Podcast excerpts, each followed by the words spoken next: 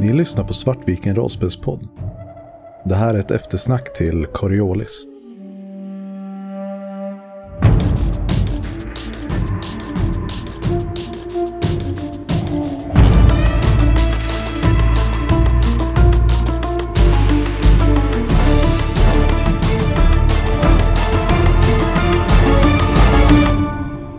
Hej och välkomna till Svartvikens rollspelspodd. Det här är ett litet eftersnack till Coriolis. Som ni förhoppningsvis känner till om ni har lyssnat på vår första kampanj så hade vi ett sånt här eftersnack till The Laundry också. Och efter den rungande succé som det var så tänker vi att vi ska göra en, eh, en repris på det. Vi har med oss hela Svartviken här idag och vi har också en, en ärad gäst i form av Agnes. Hej Agnes! Hej, tack för att jag fick vara med här.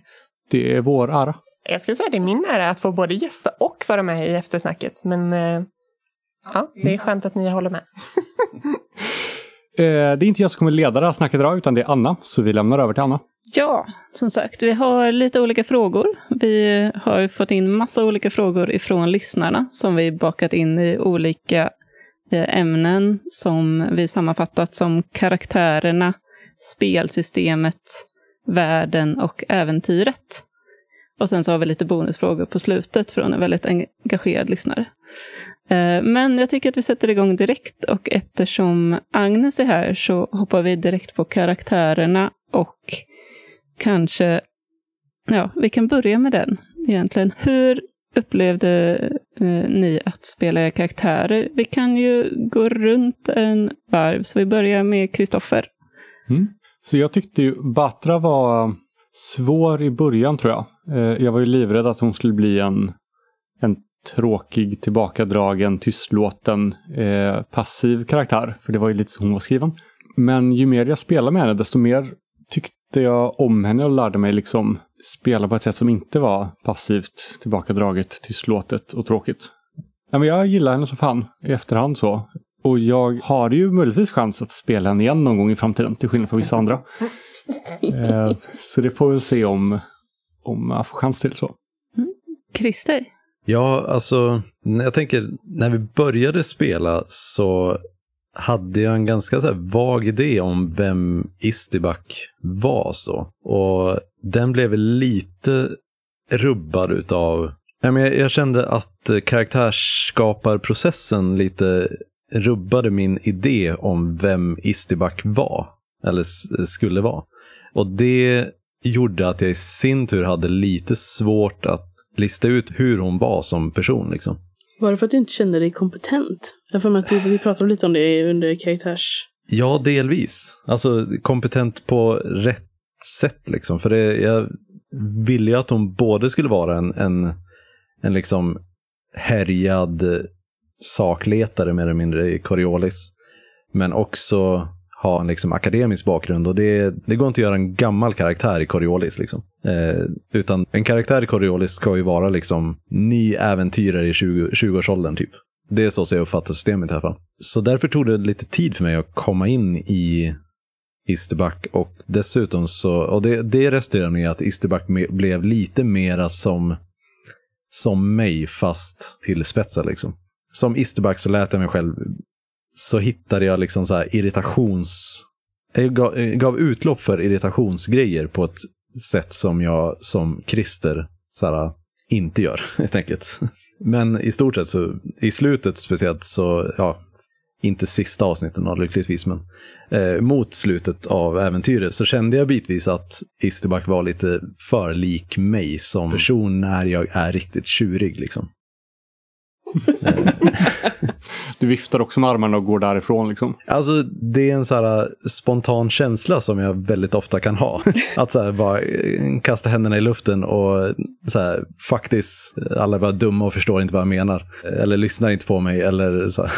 så ja, det var min långa utläggning om eh, vad jag, hur jag upplevde att spela Isterback. Mm, Jag tänkte att jag hoppar in där för att jag upplevde ungefär samma grej med Shada. Eller jag hade egentligen en lite annan bild av Shada än vad hon blev i slutet. Eh, jag hade en ganska lös bild av henne som den här ja, men, ytliga reporten. Men eh, hennes karaktärsutveckling gick liksom åt ett annat håll och blev mer och mer lik mig själv, fast tillspetsat. Så att eh, om Isterback vart lik Christer när han är irriterad, så vart Shada lik mig när jag försöker få alla att komma överens och försöker prata känslor hela tiden.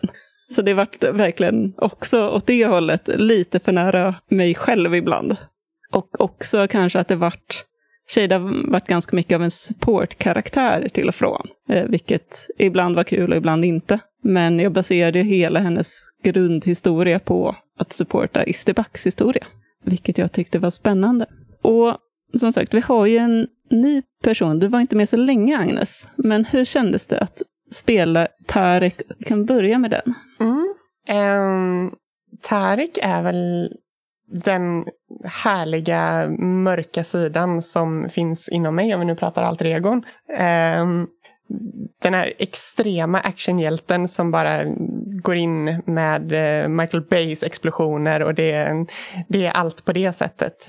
Jag tycker Tarik var fantastiskt rolig att spela och kul att spela som en gästande karaktär bara för några sessioner och komma in och röra om. Vilket jag hoppas det gjorde tillräckligt mycket för att det skulle göra skillnad i alla fall. Jag hade jätteroligt att spela Tarik. Absolut inte lik mig som person i verkliga livet. Och lite väl våldsam till och från. Men eh, det kändes som att ni behövde en sån brytning. Alla kändes ganska passiva när jag kom in i alla fall. Nu vet jag inte om det har ändrats men... Eh. Ja, för det måste ju nog sägas att, att eh, när vi snackade ihop oss innan, för Tarik kom ju liksom till för att eh, Christer och Anna satt och skrev liksom i vår Svartviken-chatt liksom att säga att oh, men det här kan ha hänt vår förra tekniker. Det, gud vad kul liksom. Det här kan vara vår backstory. Och det var ju inte heller mycket som stod. nej, nej, det var ju verkligen inte mycket. Och så här, då tyckte jag att men det här är ju jättekul. Det är klart att den här tekniken måste komma tillbaks. Eh, men, men det enda egentligen som, som du fick att gå på det var ju typ så här, ja, ah, du är nog lite bitter.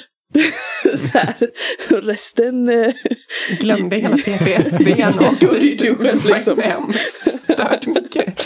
Alltså, det vi grundade det på när vi snackade om det, det var ju egentligen bara så här att ja, vi, har alltså, vi har alltså åkt tillsammans i tio plus år. Tagit in en, en helt ny grön tekniker. Så varför har vi gjort det? Och då börjar vi så här spåna på att så här, ja okej okay, men det är inte riktigt, vi vill inte behöva så här, bry oss om att skapa en, en annan karaktär som inte överhuvudtaget kommer med. Så att vi säger att vi bara så här, nej men vi pratar inte om vad som har hänt med den gamla tekniken.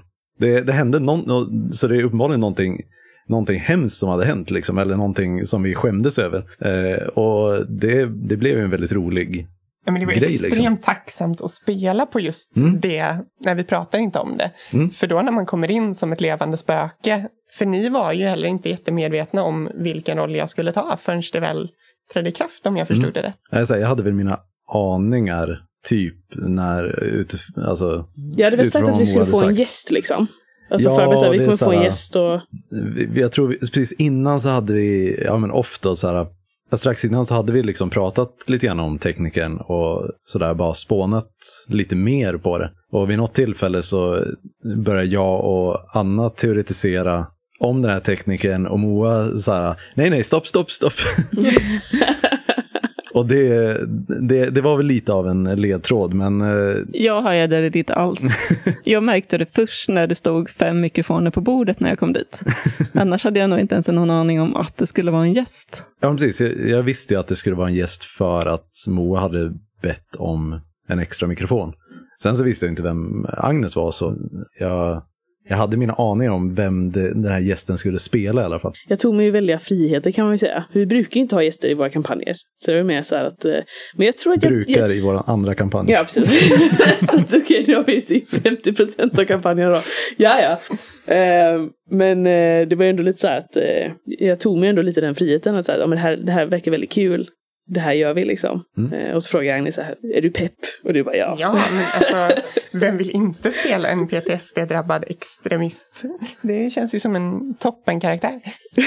Men jag älskar också för att det blev ju verkligen, alltså, så här, alltså jag som SL typ, i och med att eh, min feedback till dig var ju typ så här, ja men ungefär det här är det de har, jag tror att jag till och med visade dig den screendumpen de hade skrivit. Ja, exakt. Och bara så här, ja men det här är det de har pratat om och det var ju väldigt vagt. Det var ju basically typ något hemskt har hänt. Och sen så pratade vi lite om vad det potentiellt kunde vara och bara du är nog lite bitter. Men hela det här liksom våldet och så som du förde in i äventyret sen.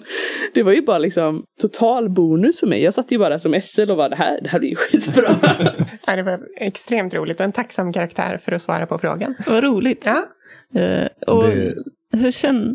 Jag tänkte du säga? Nej, så här, jag vet, det kanske knyts till en senare fråga, men det enda vi har pratat om egentligen om efterhand, det var väl så här att vi alla känner att vi var lite dåliga på att plocka upp det som Tarek innebar. Liksom. Att det, var, det fanns mer som vi, hade, som vi borde ha kunnat reagera på som karaktärer. Liksom. Ja, Batra hade ju kunnat ställa frågan varför res- reste ni runt med den dåren? Så, jag var ju inte en dåre då. Det var ju supergullig, god gubbe liksom. säkert. Ja. Mm. Det var mycket som hände sen. Men jag tror också så här att det blev ju sån extrem upptakt sen så man hann ju aldrig få den här lugna perioden där de här spänningarna kunde få komma fram. Så jag tror att det var ju lite det också, så här, hade man haft en... Eh, jag tror vi kände oss lite stressade mot slutet, liksom, att man ville liksom, göra färdigt kampanjen. Och, men hade, det hade kanske egentligen tjänat på att ha en till lugn paus där ni som besättning hade fått spela på de här ja, spänningarna som Tarik eh, introducerade. Reagera och Mm. reflektera över det som hade hänt istället för att direkt gå in i nästa. Precis. liksom, För det var så. det jag också tänkte på, att det kanske hade varit skönt att göra efter att Tarek hade försvunnit på sitt eget äventyr. Så plockade vi aldrig riktigt upp spåret Tarek. Fast att Tarek kom in rörde ju om väldigt mycket i grytan för åtminstone Shida och Isterback. Men jag tänker det, det är också en lite så här grej som hur Tarek lämnade oss var ju också, alltså den här gången, var ju lite väl avslutande kanske. Det, det hade ju antagligen varit mer riggat för att diskutera om det, om, det, på- om vi på något sätt hade tappat bort Tarek igen. Liksom. Istället för att bara så här, nej men du drar åt det hållet, vi drar åt det här hållet. Det måste också betonas alltså, att det hållet som Tarek drog åt var in i ventilationstrumman med det här jävla monstret liksom. Det var, jag tyckte det var jätteroligt. Äh, Agnes, vad tror du hände med Tarek sen? Nej, nej, alltså det kommer i nästa kampanj. Tarek's Cruisers heter det. När Tarek söker upp Batra för, för att tävla om vem som är bäst tekniker. Jajamän. Ja, det är Tark. Eh, Men jag tycker det var intressant det du sa Anna om att Shade inte hade utvecklats som du hade liksom Tänkt. tänkt dig. Eh, För jag testade den här gången att redan från början bestämma eller ha en plan för hur ska den här rollpersonen Batra utvecklas liksom från början. Och jag skapade den med väldigt medveten svaghet som där målet var att arbeta bort den. Liksom. Så min karaktärsutveckling blev ju, den blev ju ungefär som jag hade väntat mig. Men det intressanta i den för mig var ju hur når jag dit liksom? Kommer jag nå dit? Ja, För du hade väl ganska svårt att veta hur du skulle ta dig ur det här tysta, blyga. Ja, precis. Jag väldigt aktivt tänkte att några spelmöten lägger jag på att etablera vem Batra är. Men sen måste jag hitta något ställe där hon kan börja förändras. För hon kan inte alltid vara tystlåten och tillbakadragen och liksom så. Men i slutändan tycker jag ändå det blev rätt bra med det. Eh, jag var rädd att det skulle bli lite, liksom, lite artificiellt eller mekaniskt. Men jag tror inte det blev det. Det kändes ändå som att du hade många defining moments som skulle förändra dig och som gjorde att du behövde ta plats. Och du behövde, alltså man tänker om det som hände på isplaneten och det som hände när vi var i Bators måne. Ja, ja, det var ju verkligen en Alltså det, det var många sådana saker på raken som, som gjorde att du behövde ta plats. Du behövde steppa upp ditt game. Ja, för annars hade gruppen dött. Exakt. Hur många gånger var det du räddade livet på oss nu? Fem eller sex kanske? Var det Isterback eller? Vi har några frågor till, både till Agnes och gruppen. Vi har pratat lite om hur det var att ha in Tarek och hur han kändes att spela och sådär. Men hur kändes det att hoppa in så här mitt i ett äventyr och lite i ett gäng som du inte känner? Att hoppa in, alltså jag, jag tycker inte att gästa är... Det är alltid en väldigt märklig dynamik när man kommer in, speciellt till en grupp där man aldrig har spelat med innan. Och man har ingen aning om hur spelarna spelar eller hur era karaktärer ens är. Utan att komma in med, som sagt, vad var det, sammanlagt tre meningar backstory, försöka liksom fylla det tomrummet och känna att man rättfärdigar det inför dessutom en publik. Ja, men det är alltid en spänning för att se hur det går. Eh, jag tyckte att det flöt på extremt roligt och det var kul att det blev den här jobbiga, spända stämningen redan ja, 20 minuter in från att jag hade introducerat mig en karaktär. generellt att hoppa in och hur det funkade i denna gruppen tyckte jag är långt över förväntan. Sen att hoppa in i ett helt nytt spelsystem som man inte har någon koll på och knappt hunnit läsa en halv regel. Nu är ju Coriolis ganska tacksamt, Fria Ligan är ganska tacksamt överlag i hur deras spelsystem är byggda. Men nej, det skulle jag nog säga att det, det är väl det i så fall som, som var lite så här att man inte bara kände att man hade superkoll på sitt karaktärsblad, vad som vad som skulle förväntas av det, så här, att freebasea en karaktär och spela den, det är inte problemet. Problemet var att man skulle göra rättfärdiga karaktären som stod på pappret gentemot den man spelade också. Och det var väl lite halva problemet, men det tar vi väl sen när vi kommer in i spelsystem och liknande kanske. Mm. Jag tyckte att du gjorde ett väldigt bra jobb i alla fall. Jag tyckte att det tog de ja, tre meningarna som vi hade och liksom lyfter det till en karaktär som kanske var lite ondare än vi hade förväntat mig. Men det var ju roligare då. Men det var absolut roligare så. Det skapade väldigt mycket spänning. Och det visar också fram en hemsk sida hos Shada. En så här självisk, egoistisk sida hos Shada vi inte har sett tidigare. Vad tänkte du på då? Så här, men nu är, nu är du tillbaka hos oss. Det är allt som spelar roll. Ja. Så här, jag bryr mig inte om vad du varit med om. Du är tillbaka hos oss nu. Ja. Samma vad som har hänt. Nu är vi en stor äh, vänlig familj igen. Ja, nu är allting bra. Ja, nu är det bra. Jag tycker också det belyste Isterback på ett fint sätt också. Just där precis i början när Harry kommer dit och ska liksom ändå så konfrontera er. Och det Isterback gör är att låsa in sig på toan. liksom. Det var verkligen så här, eh, ja. Det, det tyckte jag det blev nice. ja, så här, jag kommer inte riktigt på något bättre sätt för Isterback att vara i en sån obekant miljö och var tvungen att fly från en konfrontativ situation. Liksom. Så, så det var mest därför det blev så här, sätta sig och tjura på toaletten. Jag tror att där sattes det verkligen stämningen i hur Isterback är irriterad. Jag tror inte du hade sprungit iväg riktigt lika mycket tidigare. Nej, och, men det är väl just det att så här, det var för att i alla tidigare situationer så hade Isterback varit i sitt hem, liksom. Mm. I skeppet oftast. Förutom på isplaneten, men där var, hände det aldrig riktigt några sådana situationer liksom. Eh, då tänkte jag en fråga till oss andra. Hur, hur det kändes att få med en helt ny spelare som gästare så här. Alltså som jag gjorde på spelmötet efter eh, Tarek hade introducerats var ju att ge den high five. För den, den bästa kompakta introduktionen av en rollperson jag någonsin sett tror jag. Eh, det var bara en så här gästar chatten. Eh, inte bara liksom för att det var en bra prestation av dig, utan också för att du satte dit eh, Isterback.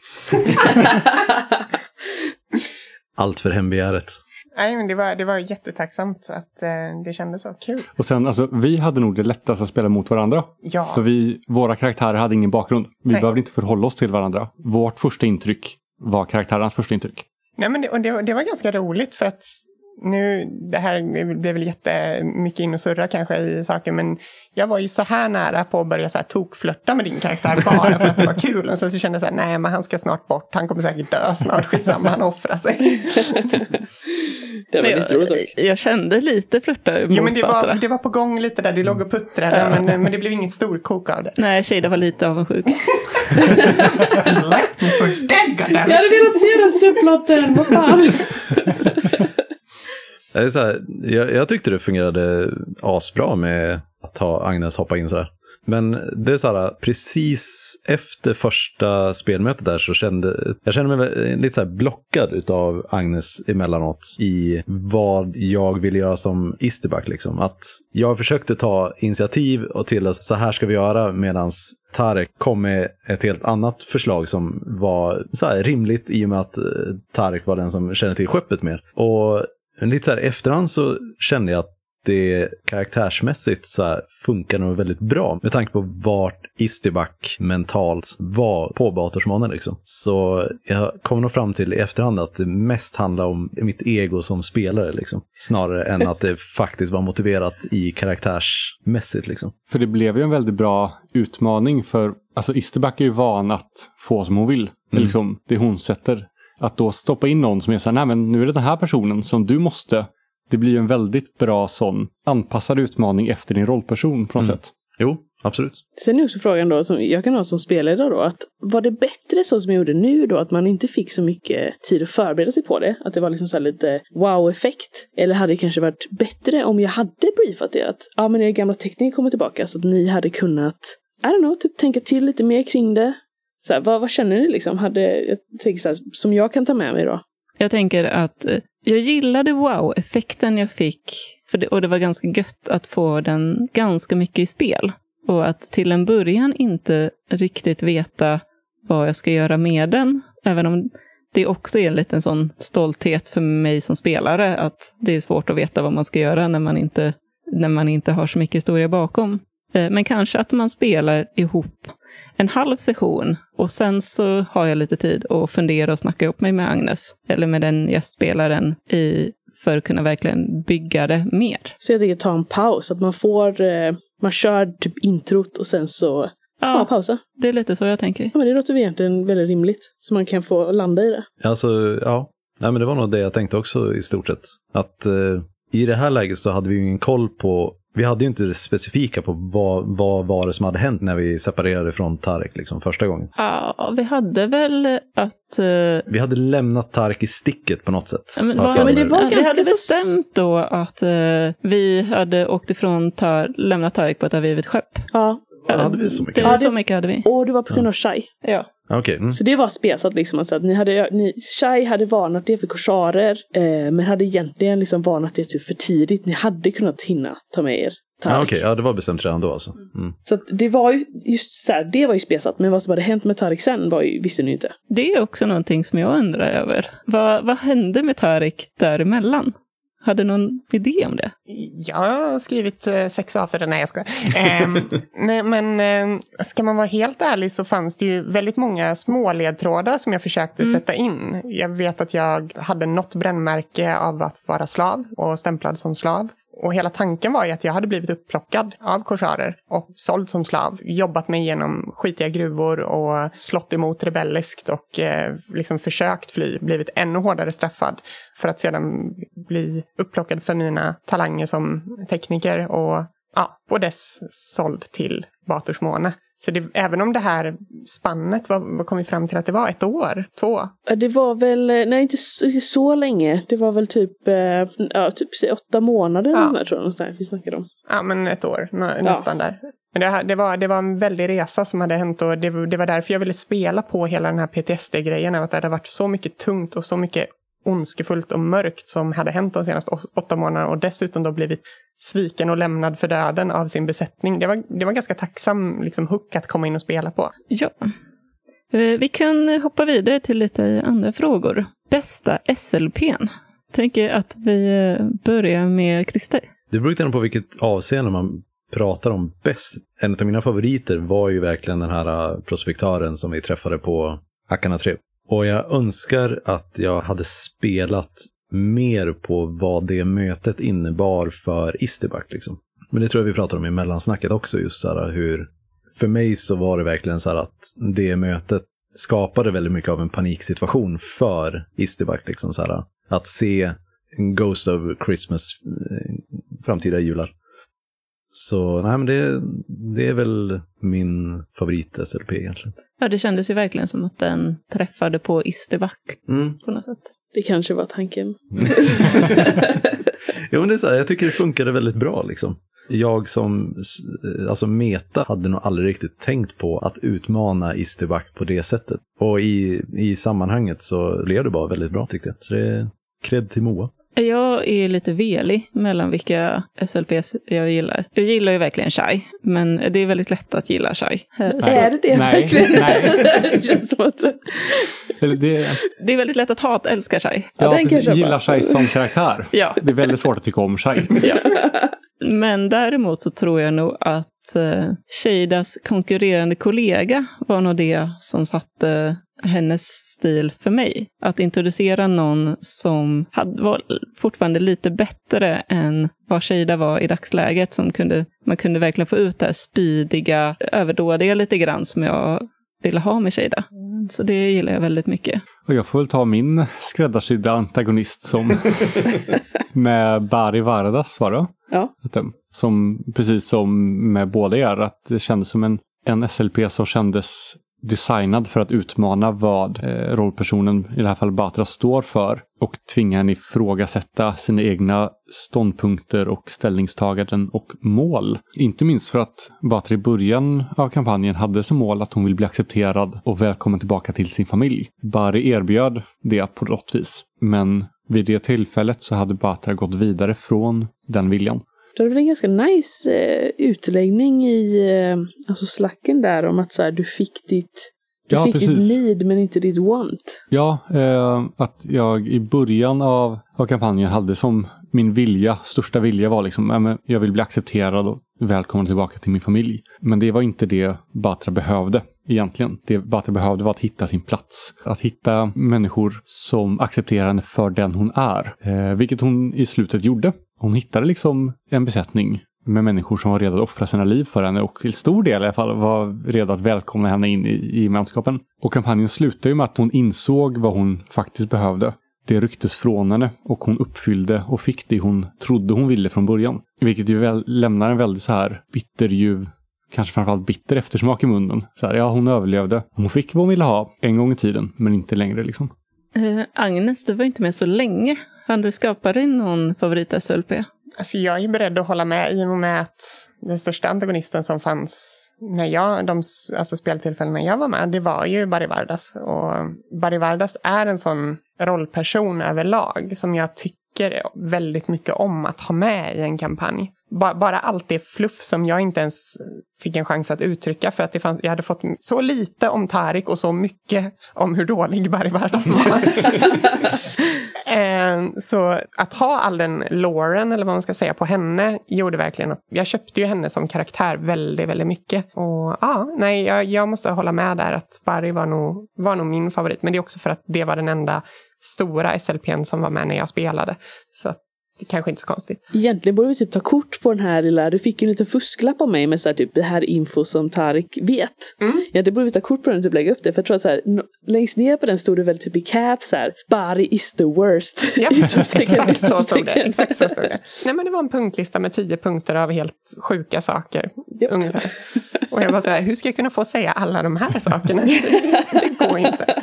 Ja, Jag får be om ursäkt där också någonstans att jag dödade min favorit-SLP rätt, eh, rätt fort. Mm, ja, vi kommer till det. det. Vi har fått Ja. in ganska mycket lyssnarfrågor som berör det. Lite så här, hur, jag, hur jag fick tänka om och vad som överraskade och så. Så att, eh, Ja, vi, vi, kom, vi kommer dit. Kristoffer. Jag tänkte just som SLP att eh, Bari hade ju fått större plats. Ja, sen, definitivt. Om det inte hade varit för mig. det, fanns, det fanns många planer och tankar för Barry som var så här eh, down the drain. Nope. Ja, Moa, det skulle kunna vara ganska intressant också att höra. Vilken var din favorit-SLP? Ja, alltså så här, jag måste nog ändå säga att det, det blev Shai. Så här, alltså, av de jag tyckte absolut mest om att spela så var det ju Shai. För att eh, henne är så fantastiskt dryg.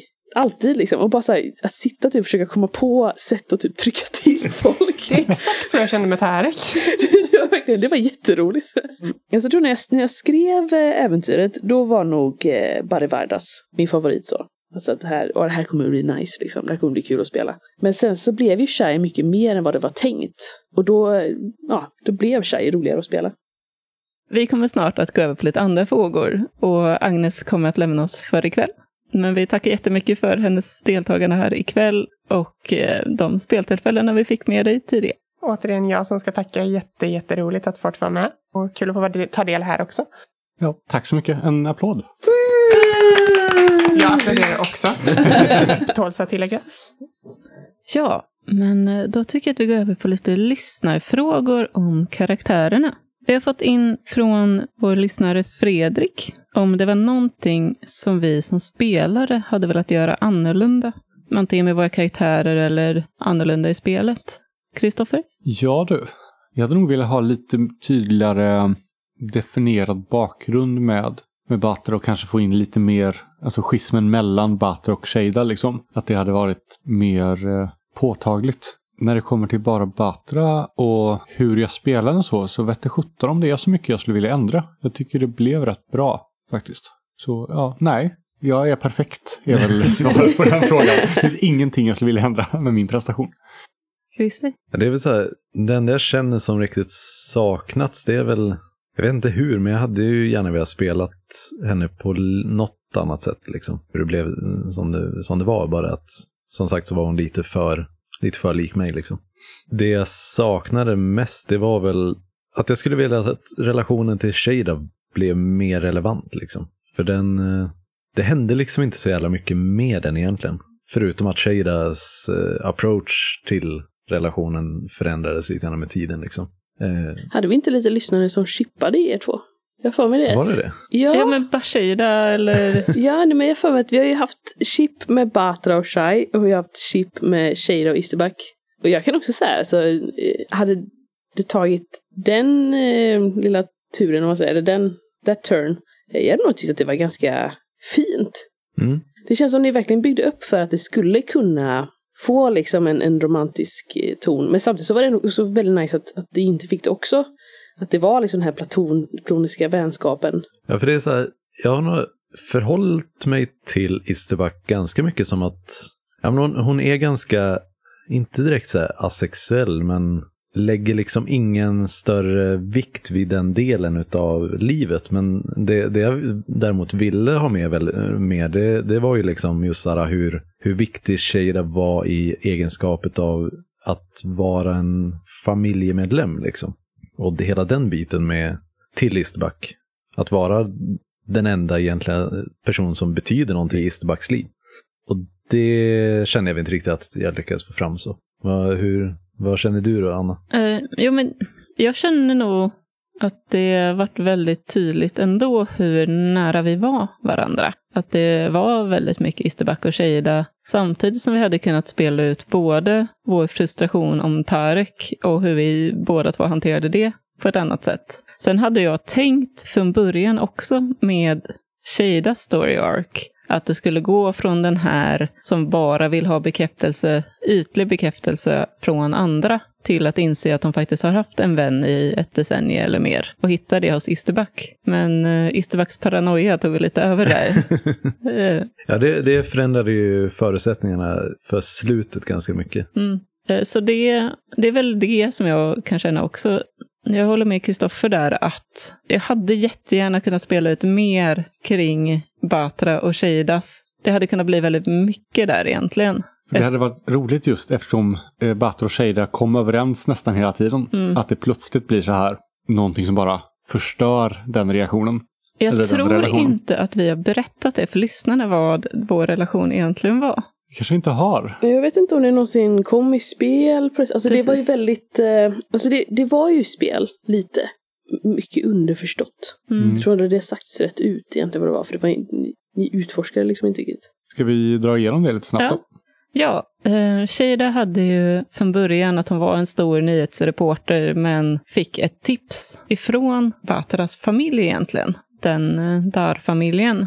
Men det tipset var felaktigt. Men hon gjorde en gigantisk nyhetsreportage om det här som först slog igenom jättestort och sen så fick det enormt bakslag på henne för att det var falskt och helt felaktigt. Så till stora delar så är det ju Batras familj som har gjort att Shada satt i den situationen som hon gjorde.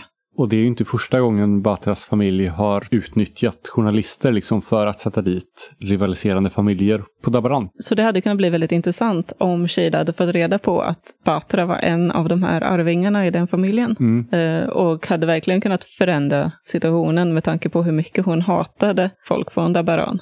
Ja, precis. Och just eftersom Batra har ändå frånsagt sig sin familj på något sätt så skulle det vara intressant att se hur det hade spelats ut när man då blir anklagad för att vara en del av familjen när man själv inte anser sig vara det och se liksom hur det skulle fortlöpa. Och Jag tror det blir lite som, så som det blev med Tariks grej också, att eh, man skulle skapat mer av en lugn stund efter Batorsmåne. För det var ju Mm. på Batorsmåne där till exempel, där, där tilltalades ju Batra som Baradol.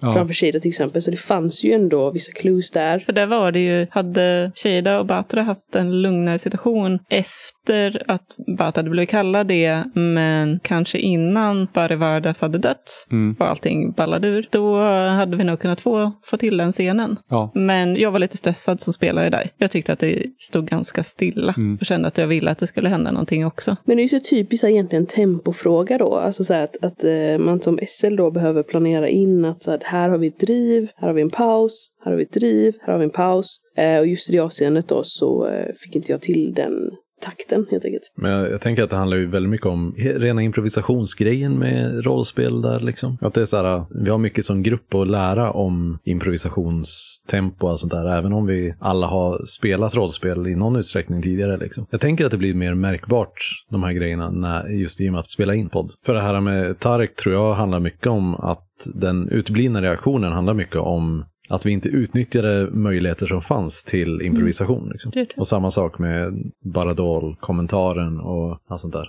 Och sen när det blir väldigt mycket så här, det blir lite så här kaka på kaka också. Det blev ju väldigt mycket på en och samma gång liksom. Det är så här, okej vad väljer vi att spela på? Alltså det är ju också så här en liten grej att, att eh, fördela ut det. Och så här, säg att du kanske har haft ett lite längre äventyr eller en längre instans efter Bators måner. Då hade jag kanske inte känt att jag behövde trycka in just så mycket där. Och sen, alltså, för det var ju några dagars färd från Batorsmålet Mm. tills vi lämnade av den här vakten. Och där hade ju vem som helst av oss också kunnat Precis. så här bara säga, men vi vill ha en scen liksom. Ja, Men det är väl så här, jag tänker att delvis så saknade vi väl någon, och det här, det här menar jag inte som att det helt eh, låg på Moas bord, utan mer så här att det hade behövts någon katalysator för att filtrera ut så här, okej, nu, har, nu har ni varit med om det här och så chillar vi på ett rymdskepp i några dagar och då behövs, skulle det behövas någon katalysator för att så här, okej, men nu fokuserar vi på det här grejen. Nu fokuserar vi på att Batra är en eh, adelsperson från Dabaran eller något liknande. Och det fanns fanns ju inte riktigt. Nej, och det hade jag ju kunnat lägga in för att Shade hade ju till exempel satt Shai på att kolla upp Batra. Så det fanns ju egentligen där för mig. Men jag tror också att jag kom av mig lite, och det, kommer det till, vi har ju en fråga från en lyssnare här sen lite, vad jag behövde tänka om kring som, som SL sen. Och just den här perioden efter, Batra. alltså Bators månad blev inte så som jag hade tänkt. Eller den slutade inte på det sätt som jag hade tänkt. Och då blev det så att den, hela den grejen som jag hade tänkt följa upp det med, blev inte så. Och då blev det lite så att jag tänkte nog inte om tillräckligt mycket där. Alltså här, typ vad jag kunde nyttja det till. Utan det blev mer av kanske bara en, en, en transportsträcka. För att säga, jag visste inte vad jag skulle göra med det. För att min typ plan hade inte riktigt eh, gått så som jag hade tänkt. Ja, jag tänker att vi hoppar över till nästa lyssnarfråga. Denna frågan är från Magnus. Och vi har redan varit inne lite på det tidigare.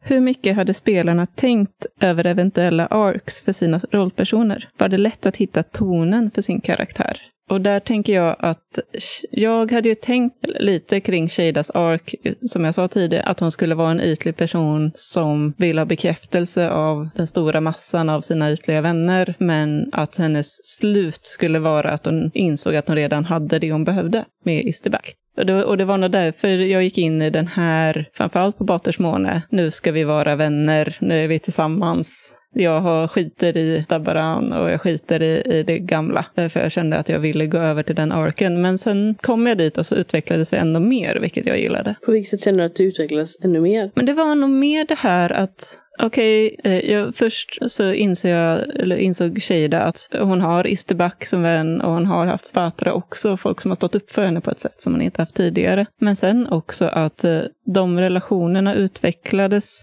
att Isterback började förändras så mycket som hon gjorde. Eh, och att eh, Isterback började ifrågasätta deras vänskap gjorde nog att på sätt och vis så vart deras relation kanske starkare för att de fick bråka lite faktiskt. Ehm, för det fanns ju så mycket underliggande. Och jag som spelare tyckte att det var fantastiskt härligt när Shada skällde ut Isterback på skeppet. I det stora övergivna skeppet med portalbyggarna. Det är så här, jag har aldrig spelat rollspel på det sättet att jag har tänkt ut någon form av character arc. Så här, innan Svartviken har jag inte spelat så mycket rollspel som överhuvudtaget har fokuserat på karaktärsutveckling eller liksom förändring av karaktär på det sättet. Jag har ju mer spelat mer åt eh, grottröjiga hållet liksom. Så, så det här med att tänka ut en ark innan har ju aldrig riktigt, dels har jag ingen rutin på det, men jag, jag har aldrig riktigt känt mig så lockad till det heller just för, jag känner som en risk att man hamnar i den här fällan att man försöker tvinga in situationen till det man har tänkt att karaktären ska utvecklas åt liksom. Jag tycker att Ja, det, det fungerar till exempel uppenbarligen väldigt bra för eh, Batra med, från Kristoffers sida. Så jag hade liksom ingen ark uttänkt för Isterback eller så. Utan jag, jag skapade Isterback mest för som en karaktär som jag tänkte skulle vara intressant utifrån de förutsättningar som, som jag visste. Och det var ju mest här, mitt i där som jag började känna att det hade varit väldigt schysst om man hade utvecklats mot det hållet att Isterback hade fått något sorts uttryck för det här med att kunna överge den här drömmen om att hitta en skatt. Liksom. Och att snarare så här, inse att skatten fanns där hela tiden. Och det Åh. gjorde hon väl på sätt och vis? Ja, precis. Eller så här, jag ser ju på slutet lite som att Istibak inte riktigt gav upp sin dröm, men mer, eller gav upp delen av sin dröm om att hon var tvungen att vara den som fick erkännande för sin upptäckt. Liksom. Utan hela det här att rädda universum på något sätt, eller rädda tredje horisonten, blev viktigare. Liksom. Och Batras, det har vi redan varit inne lite på. Så jag hade ju en tanke, inte så mycket att jag hade en, en färdig, här är var jag börjar, här är var jag slutar. Men jag hade en idé om etablera, identifiera, förändra. Att jag skapar en rollperson med ett tydligt problem eller svaghet som jag först etablerar i några spelningar. Sen låter jag rollpersonen identifiera sin egen svaghet och därefter börjar arbeta på att bli av med det. Liksom. Och med Batras så var det ju dels den här externa svagheten med mystiska krafter hon inte kan hantera. Men också den interna svagheten att hon är osäker på sig själv och inte liksom kan stå upp för sig själv. Hon backar undan från konfrontationer. Hon tar inte initiativ. Alltså det är väldigt mycket sånt som finns i henne.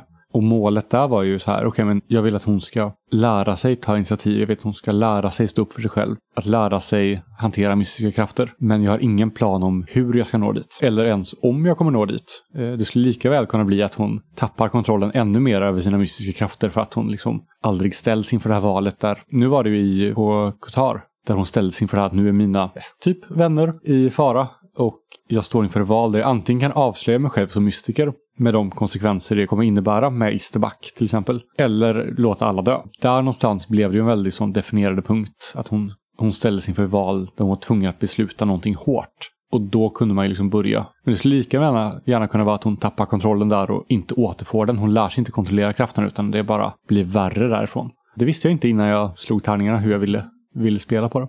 Nu sa vi faktiskt inte så mycket om det här med om det var lätt att hitta tonen för ens karaktär. Vi har också varit inne på lite tidigare, att hur lätt var det att komma in i karaktären. Jag tycker att Batra har, har en väldigt annorlunda röst än vad Kristoffer har, om man bara tänker röstton. Om man bara tänker Ja. ljudkurvor. Ja. Ja, eh, jag har ju, det här är min andra rollperson någonsin jag experimenterar med rösten. Men jag inser ju då med min första rollperson, jag testade det i en annan grupp, att bara välja en annan röst gjorde väldigt mycket för att hitta karaktären för mig. Jag använde andra ord plötsligt. Jag byggde meningar på ett annat sätt än vad jag gör vanligtvis. Min personlighet ändrades när jag pratade med annan röst. Och det gav väldigt mycket till att hitta, så här, identifiera, vem är den här personen? Jo, när den pratar på det här sättet, då väljer jag omedvetet andra ord. Andra, jag gör andra beslut när jag säger besluten som Batra, än vad jag hade gjort om jag hade sagt besluten som Kristoffer. Men För det verkade ju ändå som att du kom ganska snabbt in i karaktären Batra, lite genom den rösten också. Ja, det tror jag också. Jag har jättesvårt att komma in i karaktär om jag inte har en röst, har jag märkt. Då hamnar jag, då blir jag Kristoffer liksom, fast utan tillspetsning på något sätt. Som bara är helt ointressant för mig och för lyssnarna. För jag kände också det lite att jag hade lätt att komma in i Shada när jag gjorde mina första clickbaits. Mm, Eh, mm. Mina rubriker, Helt om, fantastiska. eh, ytliga rubriker om vad det var vi såg. Då kändes det verkligen att okej, här, här hittar jag den karaktären jag tänkt att jag ska spela. Särskilt när jag fick lite uppmuntran från andra att det var roligt. Så, så den fortsatte jag ju med. Så det, där hittade jag ju liksom ytliga Shada och vart hon började någonstans. Men sen tog det ju väldigt lång tid innan jag hittade kärnan i henne som karaktär. Mm. Christer? Nej, men jag tror jag har sagt allting som angående mina problem att hitta Is- Isterback. Liksom. Och snabbt angående röster. Alltså, I början tyckte jag inte att jag kunde särskilja riktigt från när ni pratar out of character och in character. Men i efterhand när jag lyssnar tillbaka på det så finns det ju där. Det är liksom ni pratar lite annorlunda. Ni lägger inte till en, en annan röst, men ni pratar annorlunda. Vilket var intressant att, att jag upptäckte det när jag gick tillbaka och lyssnade. Men jag hörde det inte liksom första gången. Nej, men alltså, Isterback är ju väldigt nära mig i tal. Liksom. Och det, det är väl också en av anledningarna till att jag kände att, som gjorde att jag kände att Isterback inte riktigt blev så annorlunda från mig än vad jag hade velat att hon blev. Liksom. Mm. Också en av anledningarna till att jag har lite svårt att helt identifiera Isterback som kvinna. Liksom. Mm. Vilket också känns väldigt konstigt. så. Eh, Jag kan tänka mig det eftersom du har en ganska mörk röst. mm. Eh, Och eh, Isterback har ett ganska typiskt manligt sätt. I Ja. att han är så rak och så. Och det, jag har ju tänkt Easterback som ganska så här, androgyn i Mm. sitt uttryck. Liksom. Jag Eh, gillade verkligen det också. Att man behöver Ja, inte det- vara en tjej i tjej. Nej, Det är men, också jag, lite jag, tycker kontrast det, mot Shada också. Så att just Mm. så här Shada och, och, och Easterback blir ju ganska udda par. Mm. Absolut. Mm. Och som sagt, jag, jag tyckte, tyckte väldigt mycket om hur, hur Easterback blev. Men det, det var ju så här att hon inte blev mer annorlunda mig. Liksom. När vi ändå kom in lite i hur Isterback blev så har vi faktiskt en fråga från en lyssnare som jag är lite osäker på om jag kan uttala namnet. Rockabara?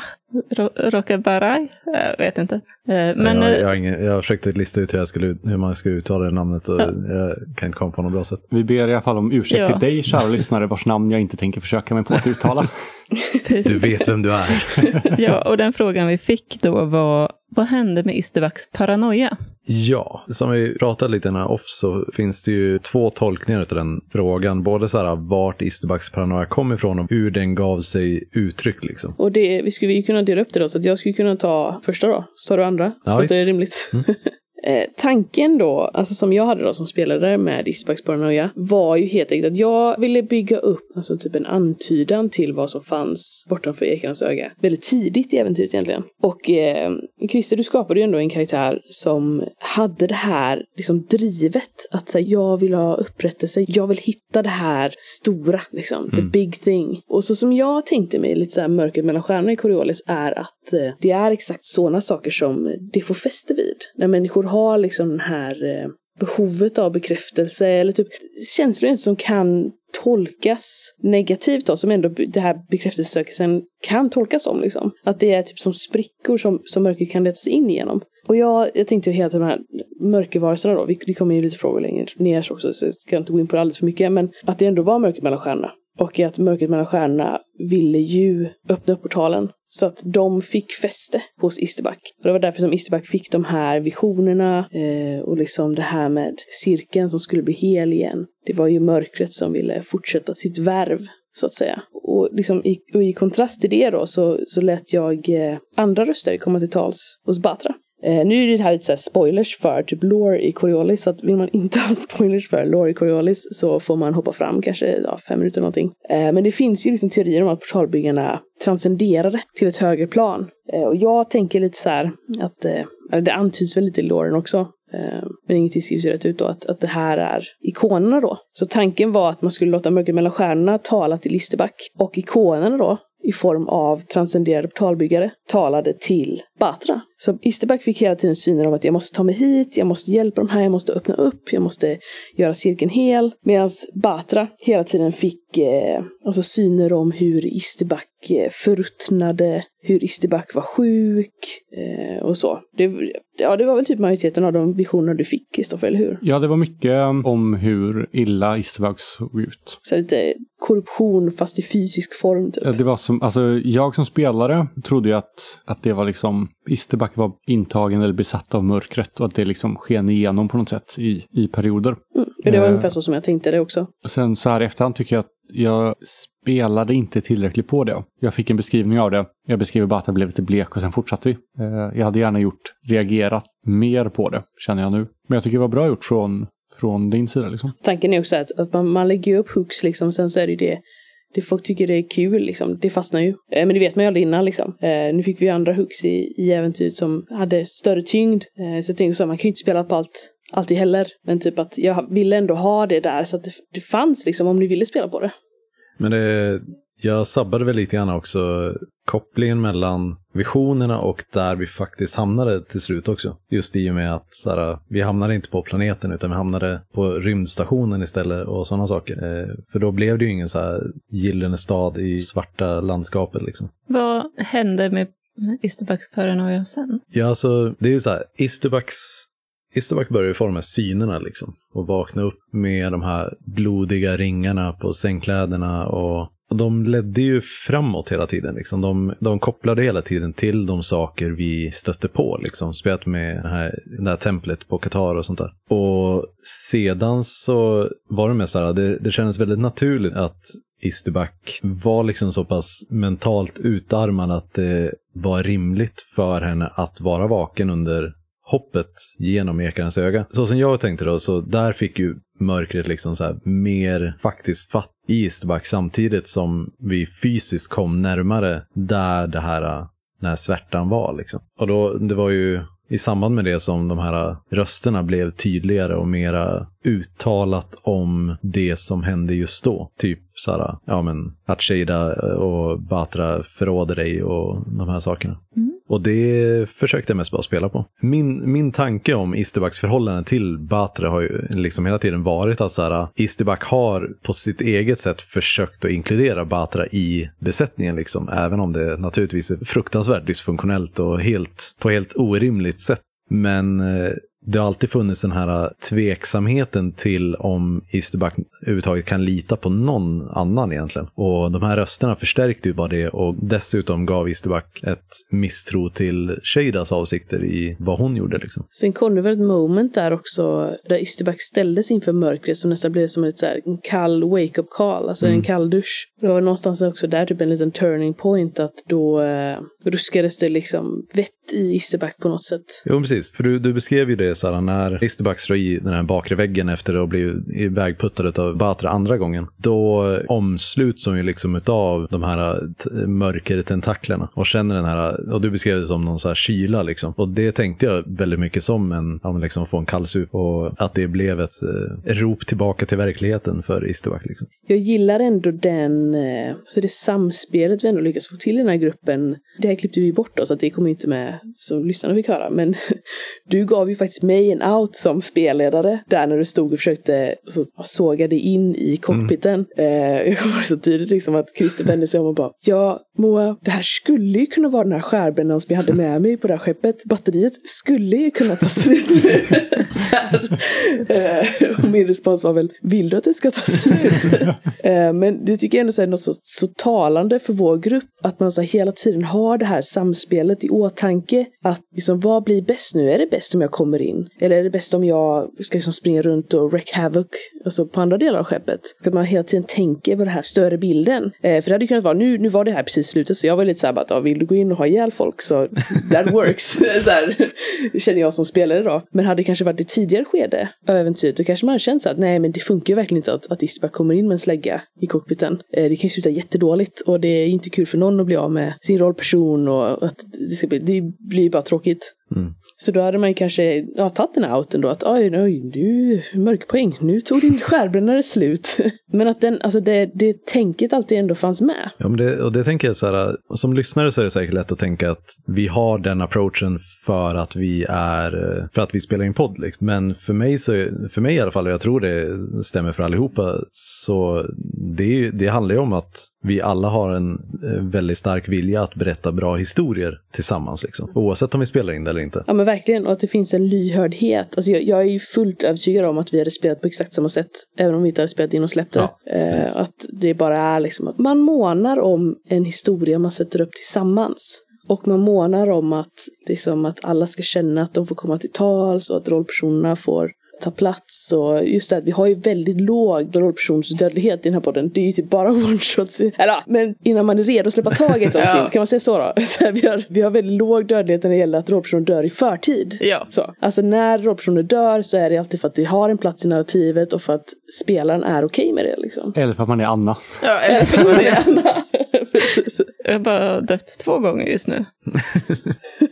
När det här släpps. Men jag tänkte också på det, hur scenen där Isterback utvecklades till gruppens antagonist. Mm. Alltså hur dynamiskt det kändes. Det kändes inte påtvingat. Det kändes inte som att det, även om vi hade spelat vidare, så så som det slutade nu, så kom Isterback tillbaka till oss. Det blev någon slags bråk och utfall, men inte liksom något allvarligt. Alltså det sköttes på ett sätt som gjorde att det känns, det känns bra. Det kändes, jag kände aldrig liksom att så här, aha, nu är en av rollpersonerna onda plötsligt. Utan det kändes liksom naturligt. Ja, men det, just i, i och med Easterbacks väldigt dysfunktionella sätt att förhålla sig till alla förutom Shada. Typ. Vi, nu framgick ju inte det så mycket eftersom Easterback mestadels interagerade med Shada och, och Batra. Liksom. Men eh, för jag tänkte verkligen Easterback som, så, så länge hon upplever sig vara högre status eller ansvarig över någon så kommer hon bete sig som hon betedde sig mot, mot Batra. Liksom. Batra var inte så här speciell i det avseendet. Och i och med det så var det ju väldigt lätt övergång till att så här, det här dysfunktionella välvilliga avsikten blev rent dysfunktionellt och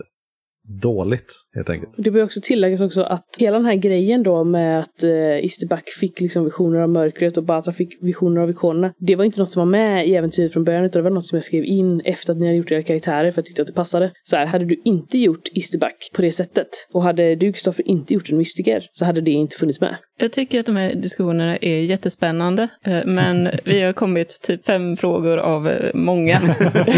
Då sätter vi fart. Så Shoot. jag tänker att vi hoppar vidare. Det trillade in en fråga nu precis från Petter. Och det var ju precis det om Tarek. Vi har pratat en del om det innan, men jag tänker att vi bara kan repetera det i alla fall. Sammanfatta det lite. Vad var grejen med Tarek? Hur planerat var hans gästspel i förväg? Och hur gick det för honom? Och Petter säger i alla fall att det var ett väldigt lyckat inhopp. Tank, alltså, tanken då med Tarek var ju som sagt att eh, det, det var ju liksom inte riktigt en tanke. Alltså, tanken var att eh, Kas Shagdalan, som dök upp väldigt, alltså mot slutet av Batorsmåne, det var den SLPn som var tänkt att finnas som en allierad på Batorsmåne. Sen så började ju Christer och Anna skriva massa roliga grejer om deras förtekniker och jag bara det här är ju, this is way better.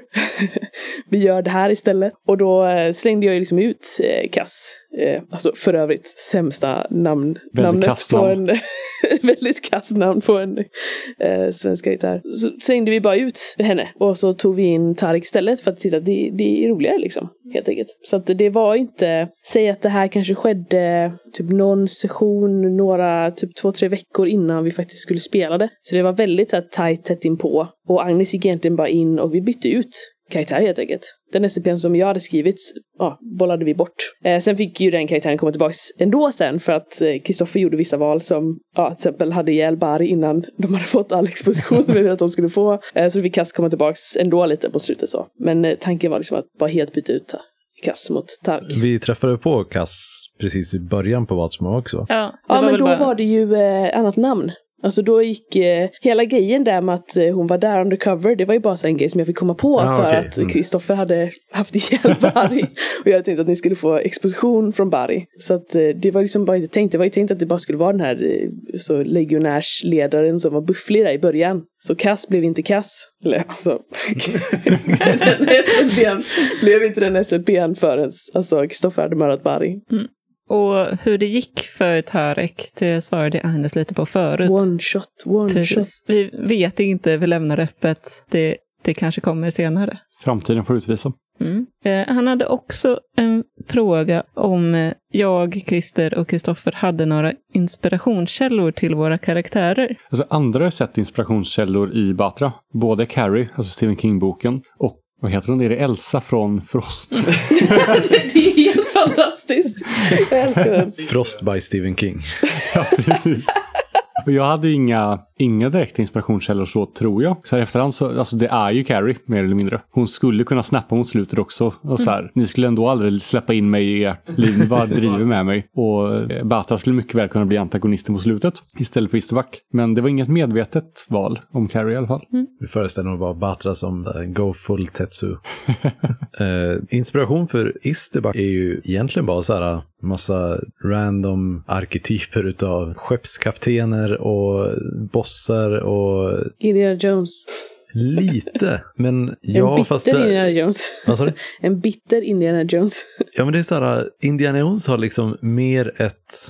Easterback är inte så actionig utav sig liksom. Det är så här, Easterback skulle, skulle aldrig så här, klara sig bra i en fight eller vara den som springer genom en grotta medan den faller ihop liksom, eller någonting sådär liksom. Utan det var ju, nej men det, ja, ja så här, konceptet när jag funderade ut Easterback så var det ju verkligen så här, jag tycker väldigt mycket om titeln sakletare från, jag tror det är MUTANT undergångsarvtagare har de bland annat. Och jag ville spela en sakletare i Coriolis-världen. Liksom. Någon som letar efter bra skit som ingen annan har hittat. Liksom. Jag hämtade egentligen inspiration till Shada från två olika ställen. Eh, det ena var att jag innan det här har lajvat en del Vampire och då spelade jag en dryg Toreador som var extremt ytlig. Plötsligt kom det in en annan Toreador som var minst lika ytlig och vi tävlade liksom i hur trevliga vi kunde vara mot varandra och samtidigt vara så otroligt spydiga som bara vi två förstod. Och den känslan tänkte jag att jag ville ta med i Shada som karaktär. Och sen så fick jag ju mycket av inspirationen till Shadas historia och vad hon kom ifrån och vad hon skulle i vad Christer skrev om sin sakletare. Eh,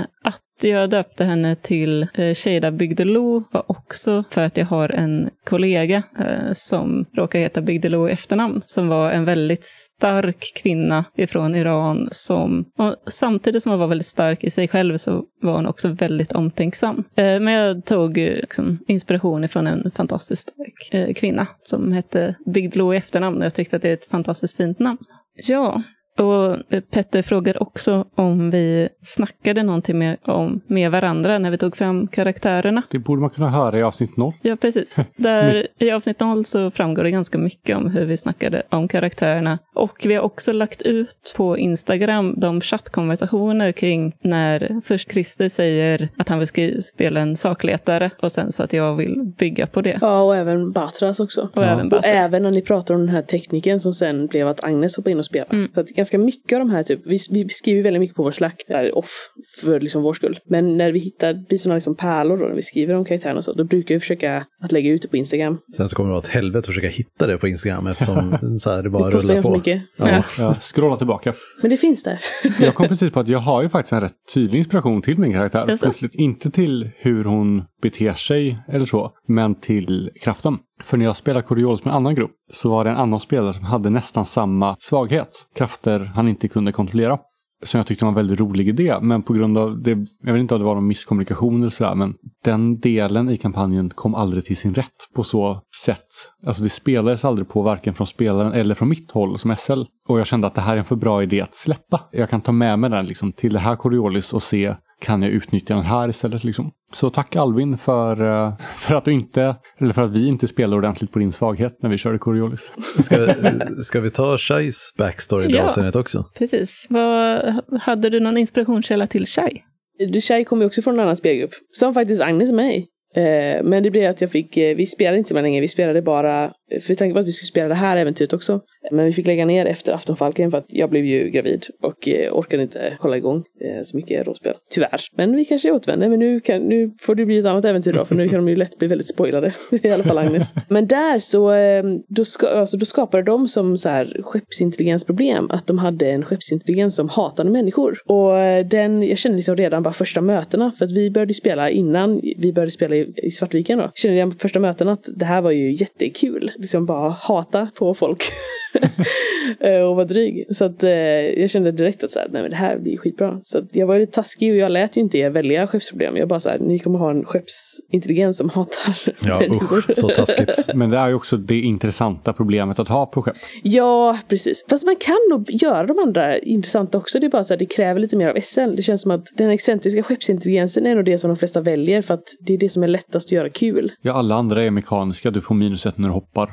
Jaha. Ja, fast du kan ju göra så här. Så jag tänker sådana grejer, man kan ju... Men det är inte fantasieggande menar jag. Alltså, det kräv... alltså man måste göra väldigt mycket med det för att det ska kunna ja. bli intressant. Det är lättare, så. för en, en excentrisk skeppsintelligens är ju ändå en individ. Mm. Så det är klart att det blir ju en SLP för spelledaren att, att utnyttja då.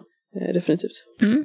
Och där tror jag vi besvarade också Alva och Fredriks frågor om hur var tanken med Shai från början med en excentrisk skeppsintelligens och var det tänkt hela tiden att Shai skulle vara antagonistisk mot spelarna? Och det bör också tilläggas då att alltså Shai var ju enbart tänkt som en comic relief från början. Alltså en, en väldigt antagonistisk sådan, men Shai var ju aldrig tänkt att ta den platsen som Shai tog. Det var verkligen inte grejen. Det var Batras fel. Ja, det, det var Batras fel. Det var ditt fel, Kristoffer. Så tanken var ju alltid så här, hen skulle hata människor och hen skulle vara dryg. Men eh, alltså det var ju bara för att Batra och liksom Kristoffer började peta på Shai liksom. Och så här, det var uppenbart att du ville spela på det och jag tyckte det, var, det blev ju väldigt kul. Hela den grejen efter att Shai hade satt upp din datingprofil där med det här liket från Aftonfalken och du bara nej du ska fixa Shai liksom. Eh, och du avslöjade som mystiker. Mm. Det var ju hela startskottet för att Shai faktiskt fick ta den platsen som, eh, som hen sen gjorde. Så, här, så det var ju absolut inte planerat, absolut inte tänkt från min sida, utan det bara Kristoffer satte bollen i rullning och det blev som det blev. Och jag tyckte det var också här, typexempel på hur vi ändå samskapar i den här gruppen. Att så här att, för Shai fick ju en väldigt stor roll sen. Det är ju som en av de stora antagonisterna då. En för stor roll om du frågar Batra. Precis. Men vem frågar Batra någonting? Ja, Precis. ja, man kan ju fråga Batra i alla fall, till skillnad från Isterback och Shada. Ja, och där, Burn! Det är lite varmt här inne nu. där kommer faktiskt in lite på den sista frågan om karaktärer. Och vi är bara på karaktärer. Precis. Vi kanske ska skippa system. Vem bryr sig om systemet i fria ligans spel Vi längre? har en eh, lyssnarfråga där va? Ja, jag, jag tänker att Så jag vi prioriterar Ja, det lyssnarfrågor. kan vi ta. Mm. Eh, Men på karaktärer så är det, kommer vi att få återse några karaktärer i en annan kampanj? Kanske en prequel? Alltså vi har ju redan pratat lite om så att, att så här, visst, eh, Tarik eh, definitivt, man skulle kunna göra någon one-shot med det. Men alltså, vi är nog alla ganska så eh, mätta på Coriolis just nu. Men det är ju egentligen inte otänkbart att så här, karaktär återkommer i ett one-shot framöver. Alltså, eller till och med kanske nästa gång det är min tur att SLa en kampanj. För det finns ju ändå som sagt spår att Batra överlevde som, som sagt. Det finns ju även, man skulle även kunna säga typ att Shai har säkerhetskopierat sig eh, på något sätt. Så det finns ju ändå eh, vägar att gå. Eh, och det finns ju vissa, vissa karaktärer som ja, potentiellt. Men Isterbacks sista önskan måste ju ändå respekteras. Precis. Ja, då går vi över till spelsystemet och jag kommer göra det lite förkortat. Ja, vi har ju pratat om mycket om spelsystemet i mellansnacket. Precis. Och jag har inte ändrat, ändrat eh, åsikt om det sedan dess. Så, Mm. i alla fall. Eh, Så lyssna på mellansnacket som vi har haft i den här kampanjen för att höra mer om vad vi tyckte om spelsystemet. Men vi har faktiskt en lyssnarfråga. Och det är att vi gjorde ett litet avkall ifrån det vanliga systemet där man bara lyckas på sexor. Och nu har vi testat att köra att man lyckas på femmor också, men bara den första femman. Så det var ju tweakat också dessutom. Mm, Och det var ju katastrof. alltså så här, det är Tycker helt du sjukt. ja. Jag har aldrig spelat med en grupp som slår så bra som ni gör. Och det är ofta så här, det sjuka är att det här måste ju ändå sägas, alltså för lyssnarna, att många av de gångerna de får så här, typ tre lyckade eller så här, fyra lyckade, det är inte så att det är liksom en femma med i den leken. Utan många gånger har det varit så här, typ tre sexor och typ så här, fyra sexor och man bara, vilket är helt sjukt. Så att vi började ju med femmor och sexor. Mm. Men vi insåg ju väldigt fort att så här, shit, det här, förutom i strid då, eh, det här kommer ju inte, det här det fungerar inte. Och roligt att det har fungerat för alla grupper jag har spelat innan. Och så här, oftast brukar det vara att man liksom lyckas för sällan, så att det är liksom för dålig ratio. Men här, ni lyckades ju hur mycket som helst. Vi fick ju nerfa det ganska så fort och ja men vi kör första femman då, inte i strid. Men alltså jag, jag skulle nästan ha nerfat det. Bara tagit bort det helt för att ni lyckades ju eh, hela tiden nästan. Men ändå fick jag ganska mycket mörkpoäng. Men jag funderar på om det är för att Det är mitt fel. Kristoffer var mystiker. Ja, dels det och sen jag var den som var benägen att faktiskt pressa, Mm. tror jag. Jag pressade oftast inte för att jag tyckte att det kunde vara intressanta situationer, även om Shada inte fick det hon ville. Eh, Så att jag tror att jag som ovan Coriolis-spelare också var lite för feg med att använda böner och pressning om det inte var så att jag kände att nu kan jag faktiskt titta på en bön. Jag tänker att fria ligans det måste ju vara byggt ändå med fail forward. Liksom. Att det är så här, rent rollspelsmässigt så är det inte ett misslyckande att inte lyckas med ett färdigt slag. Så jag tror det snarare handlar om en övertro till det här med att faktiskt lyckas med slag. Att det måste vara mer okej att faktiskt misslyckas. För det är så här, som, som jag sa tidigare med angående karaktärsskapande och så här, så är det ju väldigt tydligt att Coriolis, det är ju inte gjort för att du ska ha kompetenta karaktärer. Du kan ha specialise- väldigt specialiserade karaktärer, men du kan aldrig ha liksom generellt kompetenta karaktärer. Även en specialist kommer att misslyckas väldigt många av gångerna de gör någonting. Och det måste ju vara avsiktligt av fria ligan, tänker jag. Mm. Eller så måste SL förbruka mörkerpoäng väldigt mycket raskare.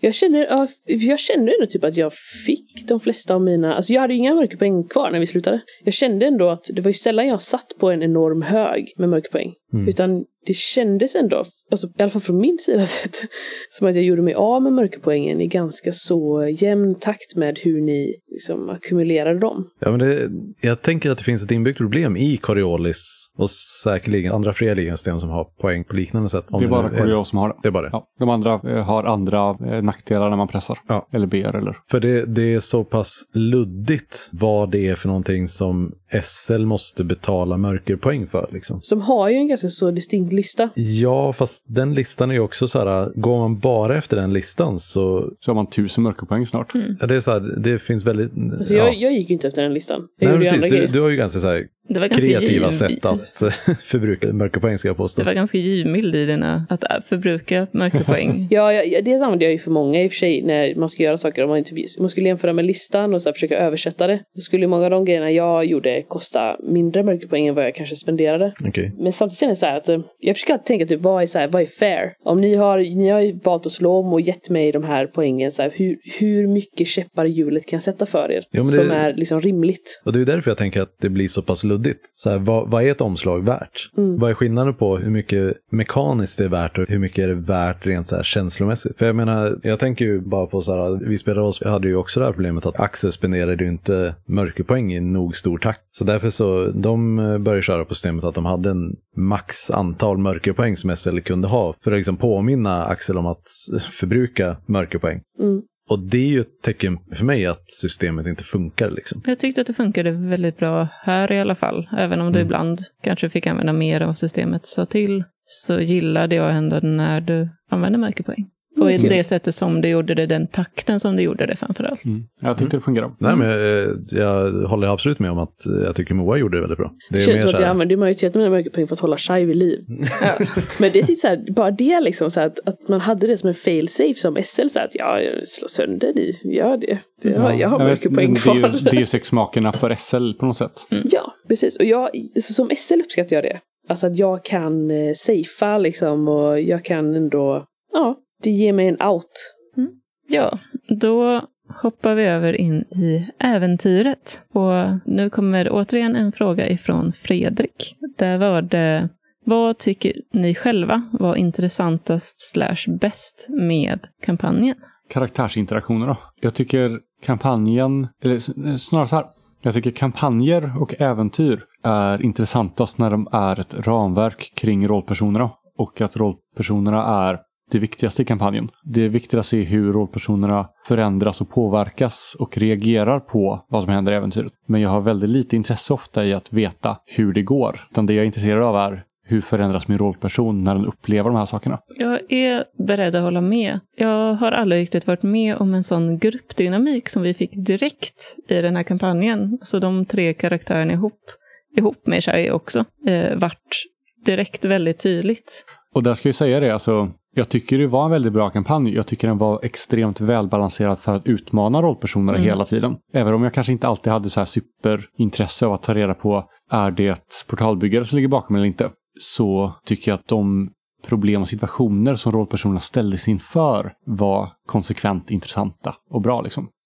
jag får väl sticka ut lite grann och tycka att jag gillade de här nyckelmomenten i kampanjen väldigt mycket. Jag tycker väldigt mycket om när vi kom till Akana 3 och till Kutar och hittade det där eh, nedfrysta templet och när vi flydde från det och när vi blev upplockade på, eh, av eh, Bators måne, ja, Aftonfalken också innan det. Och det var, det var mycket stunder där det drog ut lite för mycket på tiden och jag kände mig förvirrad på vart jag som spelare så här skulle fokusera, på härnäst. Liksom. Men utöver det så tyckte jag att storyn var väldigt eh, ja, men så här, jag gillade hur, hur den konstruerade Coriolis-låren. Liksom. Ja, jag hade ju aldrig någon aning om faktiskt vad det var vi letade efter, vad, vart det skulle sluta överhuvudtaget. Och det gillar jag väldigt mycket också, att det var ett pussel som till slut knöts ihop. Eh, även om vi inte fick svar på allting. Min lilla tanke var väl typ att man skulle dras in i det med någonting ganska så mundant som att säga att, att eh, ja, snälla hitta min dotter. Ganska så här simpelt quest egentligen. Och sen så helt plötsligt så ska man snubbla över någonting som är mycket större. Det var så här lite min SL-tanke typ att, att eh, och också just så här typ att ja, så här, egentligen så reste ni ju inte i Elias fotspår. Ni försökte ju bara hitta någon form av så här väg framåt för att kunna lista ut var fan hon befann sig liksom. Och det var inte så lätt, för det fanns ju inte så mycket. Det fanns ju bara typ hennes konsol. Men det var ju egentligen, ja men typ som jag tror att du tog upp det någon gång Christer, att det var ju egentligen inte hennes fotspår. Det var ju egentligen ställen som hon inte hade varit på än. Mm. Men det var ju det enda ni hade. Jo, men det var ju så här, fram till Qatar så visste vi ju inte om, om vi låg före eller helt parallellt med, Mm. med Ella eller om hon, var, om hon redan var död eller vad som helst. Liksom. På Qatar så, så hade vi möjlighet att inse att ja, men hon, hon, hon har inte, åtminstone inte varit här och det här verkar vara en viktig ledtråd för det hon vill komma åt. Liksom. där kom vi in lite på Hannas fråga också om vad hade hänt om vi inte rest genom himmelsporten utan istället bet oss iväg för att rädda Elahi? Då hade ni fått infiltrera ett tempel, likt det på Qatar. Fast det här skulle vara ett aktivt sådant. Eh, som inte legat begravt under massa is och snö i flera hundra år. Så att, eh, ja, tanken var en, eh, ni skulle fått en dungeon crawl. Med sådana mörker, mörkermänniskor. Eh, ja, precis. Med de här eh, varelserna som fanns på Qatar och de som attackerade Bators måne. Liksom, och så här. Helt enkelt ett, ett tempel fullt av sårarna. Och eh, där de höll Elahai då. Som ni skulle behöva infiltrera med eh, då. Och grejen är att alltså, ursprungligen var ju tanken att man skulle kunna göra både och. Eh, men att det skulle ha liksom en trade-off då i, vilka, i vilken ordning man gjorde sakerna. Och, det hängde ju ganska mycket på att Bari fortfarande var en, en pjäs då. Vilket Bari inte var vid det här tillfället. Så tanken var liksom så här att om du tar Eli sist så då är, då är hon och Cass döda liksom. Då är du för sen. Men tar du Eli först då kommer Bari att ta sig först till Ayabis. Så du skulle liksom behöva en avvägning där. Eh, men i och med att det drog ut lite på tiden när vi spelade och jag åkte iväg på smekmånad mitt i och lite sådana där grejer. Så då, då kändes det som att det blev, liksom att det blev för långt om man skulle göra båda två. Så då var det jag som SL som gick in och sa liksom att nej men ni kan göra en av de här sakerna. Vad vill ni göra? Grundtanken var att man skulle kunna göra både och. Bara att det hade kostnader då. Jag vet inte hur mycket det framgick i klippningen sen, men vi fick ju ganska så att det var ju väldigt tydligt meta att vi hade det valet att göra liksom. Jag tror inte det framgick alls. Jag tror jag klippte bort allt det. Jag tror det blev att vi fick valet framför oss. Vi slog en tärning i princip. Mm. För det där var ju jag som SL väldigt så liksom att ja, vi, vi, det kommer inte upp på tiden för mycket om vi gör båda två, men ni får välja. Mm. Men var medvetna om att det ni inte väljer, det kommer ni inte hinna göra. Och samtidigt som vi inte ville krossa illusionen hos våra lyssnare med så här, ett sånt metaval. Mm. Jag vet inte, vi pratade väl en kvart, tror jag. Det var länge alltså. Det ska som en paus liksom och så här bara vad ska vi göra? Det var, ni som- mestadels jag som var vd tror jag. Ja. Ja. ja, men vi valde ju ändå att åka till Ayabis och till eh, mörkret. Eller mot det vi tänkte var i fall. Ja, eh, men, eh, och där såg vi ju det här mörkret och skuggorna. Och Hanna har ju också ställt frågan om fanns det något sätt att inte väcka mörkret på? Att inte åka till Ayabis. Mm. Men det fanns också så här, jag hade ändå lagt, skrivit ner lite punkter, typ så här, hade ni släckt hela skeppet? Alltså här, när ni märkt att oj shit, stjärnan är död, det, det finns liksom ingen energi här. Har ni då släckt ner skeppet och gått liksom för tomgång? Eh, eller typ att ni inte hade startat modulater till exempel. Då hade det tagit längre tid för mörkret att, att hitta er. Så då hade ni fått mer tid att typ utforska och så. Så det hade jag ändå med sig i baktanken. Men, men grejen är så att åker ni till Ayabis, eh, då, kommer ni, då kommer mörkret hitta er. Jag kom precis på en sak som jag inte har tänkt på. Så här, nu när jag har tänkt på det så känns det lite lustigt. Eh, tog du någonsin igenom Atrocity Archives? Ja, men vet du. Jag tror jag, Första Laundry-boken? Ja, det gjorde jag, men inte den här Concrete Jungle som var sen. Nej. Ja, den kan man skippa. Ja, precis. Det, Mm. Nej, men jag tror att Darkers läste jag ut hela. Var det på något sätt en inspirationskälla till det här äventyret? Det var faktiskt inte det. Alltså så här, jag, hade redan, jag hade redan kommit på äventyret innan jag läste det. Så Mm. att min inspirationskälla var mer den mörka materien. Mm. I Stark Materials och eh, typ Indiana Jones. och Mass Effect. Faktiskt. Mm. Men eh, inte Eh. Trots Dark Arts. Men det är ju väldigt likt. så att jag vet att jag tänkte det när jag läste Trots Dark Arts. Så att eh, oj oj oj. Spoilers!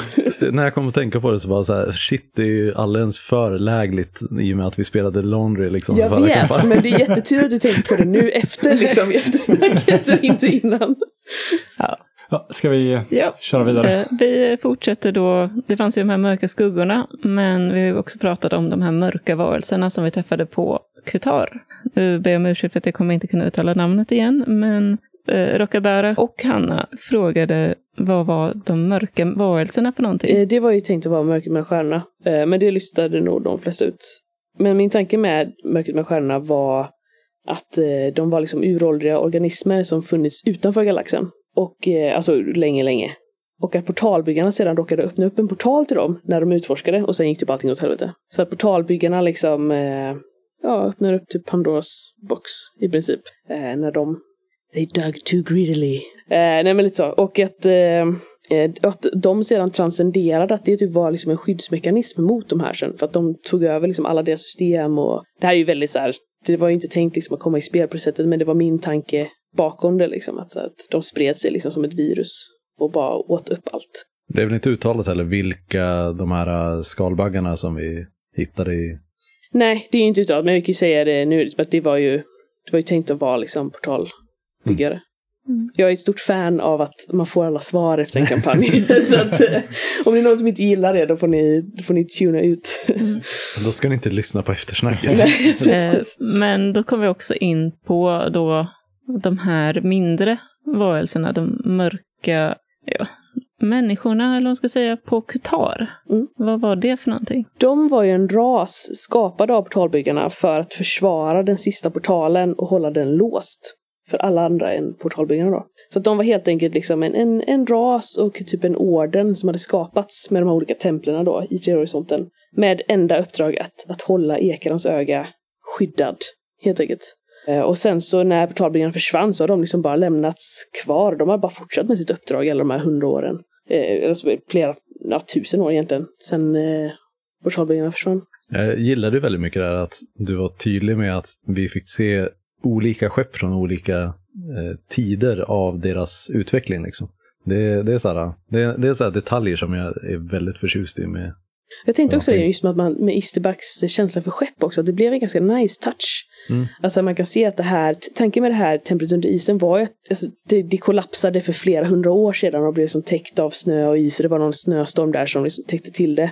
Eh, så därför var det liksom att deras, alla de andra hade ju gått vidare i sin utveckling då, men de var ju fortfarande kvar. Mm. Frysta i is. Och Hanna frågar också om man kan ha kommunicerat med dem på något sätt. Ja, det fanns eh, med. Att ni hade kunnat göra det. Hade ni tagit till fånga eh, en eller några eller någonting och haft dem ombord i ett skepp under längre tid. Då hade jag eh, låtit er förstå brottstycken med hjälp av ett svårt slag på horisontens kultur. Så att det fanns, det fanns en möjlighet till kommunikation. Ja, men då går vi över till frågor till spelledaren. Då har vi två frågor ifrån Emanuel egentligen. Den första frågan är hur såg upplägget på spelledarsidan ut? Hur såg preppen ut? Det var ganska omfattande prepp faktiskt. Eh, mitt stora problem som spelare är just att dra ner på min prepp för att jag preppar alldeles för mycket. Jag hade också tänkt att jag nog ska släppa mina notes, eh, anteckningar och så, eh, snart. Så jag skriver ju oftast i Google Drive. Eh, så tanken är väl typ att släppa någon länk snart. Då kan ni gå in och kolla mina väldigt eh, eh förvirrade anteckningar. Och se, då ser man också lite hur mycket som faktiskt blev så som jag hade tänkt och vad som inte blev så som jag hade tänkt. Uh, men basically så uh, Alltså jag såg till att ha flera stämningstexter. Oftast, alltså främst för så här nya miljöer, men även för nyckelpersoner. Så att jag såg till att ha ganska mycket så här färdigskrivet. Och det är inte bara för att det är podd, utan också för att jag SLar så, helt enkelt. Eh, jag tycker det är smidigt. Sen såg jag även till att ha flera alltså, lösa scener. Nu gjorde jag så här air quotes på podd. Det var väl inte så himla bra kanske. Men ja, lösa scener. Som eh, och typ händelser som jag kunde slänga in lite varstans. Så att, Har du några exempel? och dels var det ju de här, alla de här visionerna. Alltså att om jag ville typ trappa upp tempot eller så här, nu ska det vara lite läskigt att kunna slänga in en vision. Eh, men även typ eh, den här så kallade hamnvakten som kom på Akana 3. Lite sådana grejer. Att, att det dyker upp personer som kan, om ni dröjer det för länge eller ni hamnar i någon argument sinsemellan som drar ut väldigt mycket på tiden. Ska slänga in någonting som bryter upp det eller som pushar det framåt. Hanna undrade också om det var någonting som överraskade. Ja, det, det var det. Eh, en mindre grej som överraskade var när vi skulle sätta upp den här striden mot den här Nekatran. Och jag tyckte att jag var så himla fyndig som bara åh men jag fett bra då kan jag låta en av alltså, spelarna, då, ni fick slå tärning om vem som skulle spela den här stackars kurtisanen som skulle dö. Eh, och sen så skulle jag låta Kristoffer slå tärningarna, skadan för Nekatran. För jag bara, då ska han verkligen få känna så här, eh, kvalet av att ta ihjäl den här stackars kurtisanen. Eh, och jag tyckte jag var jättefyndig. Enda problemet var, var ju bara att Agnes blev kurtisanen och Agnes slog jättebra. Och helt plötsligt, av någon jävla anledning, så slår Kristoffer skitdåligt. Har liksom inte hänt under hela kampanjen. Eh, men det slår skitdåligt. Så den här striden drar ju bara ut på tiden. Och det blir ju nästan så här typ komiskt. Liksom att, så här, att ja, Nekatron hoppar fram och kurtisanen rullar undan. Och, Ja, jäklar vad jag får klippa där. Jösses. det var ju helt, alltså det var ju helt fruktansvärt. Men var det bara Agnes approach till att kurtisanen var så här, inte ville attackera? Eller var det en del av instruktionerna som du gav till? Det var en del, alltså jag hade ju sagt till Agnes innan att så här, eh, inte specifikt inför den situationen, men jag hade pratat med Agnes innan om att, så här, att jag vill att eh, ungefär det här ska hända och jag vill visa att Bari är ett arsle typ. Så jag tror att det spelade säkert in i hur hon spelade sen. Mm. Men eh, det blev ju verkligen jätteutdraget. Jag hade absolut ingen backup-plan för jag skulle så lösa det på ett smidigt sätt. Och det blev bara så superpannkaka. Och efter ett tag, jag tror till och med att det var väl typ att jag, jag, lät, jag lät väl Bari ta Ja, och någons pistol och bara sen skjuter jag din jävel typ. Ja, jag tyckte det. Jag är mer, mer förvånad över att Bar inte gjorde det tidigare eftersom det är en sån typisk eh, gangsterfilmsgrej liksom när du ska visa på att någon är ett arsle liksom så här och typ, ja men det är ju en dogfight liksom där bossen skjuter någon i benet bara för att så här Ja, jag önskar att jag hade liksom. tänkt på det tidigare. Det dök ju verkligen upp som så här en afterthought att, ja men shit, Barry kan ju bara vara ett arsle och skjuta. Och det, det funkar ändå ganska bra för att belysa Barry sen, att hon blev otålig. Bara, Men dö bara då! Eh, och skulle skjuta då. Men, eh, men det kände jag att det överraskade och det blev inte alls som jag tänkt. Men det som egentligen tog upp lång tid där var extremt förvirrade regeldiskussioner. Det var ju de som, och de klippte jag ju ner till typ 20 sekunder. Det med. Eh, Men de var ju flera minuter liksom runt bordet. Det var helt enkelt inte en särskilt tight scen, kan vi erkänna Men jag tror de efterhand. blev rätt tajt i klippningen. Jag ja, tror de blev det, bra. jag tror att vi lurar ju... Vi lurar lyssnarna. lurar er. men, sen, men absolut största grejen som inte blev som jag tänkt, det var ju att eh, Batra, alltså Kristoffer hade ihjäl Barry Vardas. Eh, och det blev skitbra liksom. När, när du sa det att ah, men jag vill, eh, jag kommer inte ihåg vad du sa, att men jag vill, använda- jag vill typ Ja, hur putta- högt är räcket? Frågat jag. Ja, precis sådär. Och jag bara, ah, okej. Och då, då var det liksom direkt så här, ja, det är klart som fan att du ska ha ihjäl Barry Vardas. Of course, that makes so much sense. Och det kommer bli skitbra. Men det var inte, absolut inte vad jag tänkt. Så det var därför jag fick slänga in eh, Kass Chagdalan till exempel för att så här, ge lite liksom, stressad exposition som jag hade tänkt skulle komma liksom mer i lugn och ro sen. Och tanken med Bari var ju också hela tiden att, eh, att, att, liksom, att hon skulle följa efter er och stressa er till, eh, till Ayabis. Och att även att hon skulle kunna följa med in i Ayabis och typ ställa till problem i Ayabis. Så istället för typ att kanske Isterback hade varit en, en antagonist där eller att Shai hade fått en större roll eller så. Då kanske det hade varit Bari som kom och bara så fuckade upp grejer. Och då behövde ni sänka Baris skepp också. Så. Och så, jag tycker ju, så som det blev tycker jag, eh, det känns som att det blir bättre. Mm. Ehm, Nej men alltså, det var ju så här, när, när, du, när du ville ha när jag började få liksom den här eh, indikationen på att så här, jag vill ha ihjäl Bari. Det var ju givet att det är klart du ska göra det. Så här. Men det var absolut inte vad jag hade tänkt och det var inte vad jag hade så här, preppat eller skrivit för alls. Eh, så det var nog det största så här, överraskningsmomentet. Men som ändå blev väldigt bra, i min mening. Då kom vi också in på en annan av Fredriks frågor. Fanns det någonting Moa som spelledare hade velat göra annorlunda? Ja, eh, jag hade velat få in det faktum att det var Batras familj som screwed over Shada mer. Jag hade velat, liksom, jag tror att jag hade velat nyttja det här med att Shai hade fått i uppgift av Shada att, att kolla upp Batra. Eh, hade jag fått göra det igen så hade jag, efter den här pausen efter Batsmåne, jag hade nyttjat den här resvägen bättre. Och helt enkelt, och också så här, det fanns ju, men ni hade ju inte med någon proviant eller någonting. Alltså jag hade ju kunnat göra ganska roliga grejer med den. Om jag känt att jag hade haft tid. Det hade kunnat bli en så jättepressad situation när ni sitter där liksom i två veckor utan mat. eh, och Och Shai bara trackar oss. Ja, Ja. och Shai liksom så här, för det har ändå varit så att ni hade börjat betvivla Shai också, så Shai kanske ändå vill skjuta ifrån sig lite. Det är bättre att ni liksom kämpar sinsemellan än, än att ni vänder er mot mig. Så det vi går och lägger oss i stas hela tiden och så bara väcker oss. Ja, men så här, ja, och så varför inte liksom. Eh, så det fanns ju mycket där som jag hade velat göra. Eh, och samt, jag hade också gärna velat alltså, ge mer eh, ljus och typ utrymme till Shadas gamla liv på Bulletinen. Nu dök ju den här, alltså gamla kollegan upp. Men jag hade velat göra mer av det, helt enkelt. Så det, det är nog det som jag känner att, så här, att jag hade velat ha in mer. Fanns det flera olika möjliga slut? Ja, eh, nu var det, ty- det tydligaste här var väl då typ att ni kunde och att rädda Elahe och det hade ju varit ett mycket mer eh, säga, öppet slut. Alltså ni hade ju egentligen inte vetat om den här legenden var sann. Så det hade ju fått andra implikationer. Vi pratade ju lite om det också när ni stod inför det valet. Så att, att båda två hade ju kunnat bli väldigt bra äventyr, eh, både för oss som spelgrupp men även som podd. För att det ena är lite mer öppet och det andra är, ja, det ser ut som sen blev då när ni åkte till Abis. Det blev ju mer, Ni fick ju liksom reda på mysteriet då på ett sätt. Eh, men det blev som en annan typ av klimax då. Men även, eh, alltså om man tänker bara, bara på det slutet som blev då, att ni åkte till AB, då, då fanns det ju även möjlighet då, jag hade skrivit upp lite sådana här krav eh, som ni skulle möta då, eh, beroende på så här, hur många av er som skulle klara er. Så här, och det var ju lite, vi pratade lite om det innan, typ att om ni hade släckt ner skeppet så, så man hade kunnat få mer tid. Eh, Batra låste även armen. Eh, alltså det, det var liksom så lite små beslut på vägen. Ni hade gett Shai väldigt mycket befogenheter. Eh, så det mycket, mycket så småval som påverkade att hur mycket tid ni hade på er och hur mycket manöverutrymme ni hade. Så tanken var ju också att fler hade kunnat klara sig om ni kanske hade Ja, man hade spelat lite annorlunda då. Fanns det någon möjlighet att vi hade kunnat stoppa mörkret? Kanske är denna frågan. Eh, alltså typ som i eh, typ utrotade eller ja. tänker du?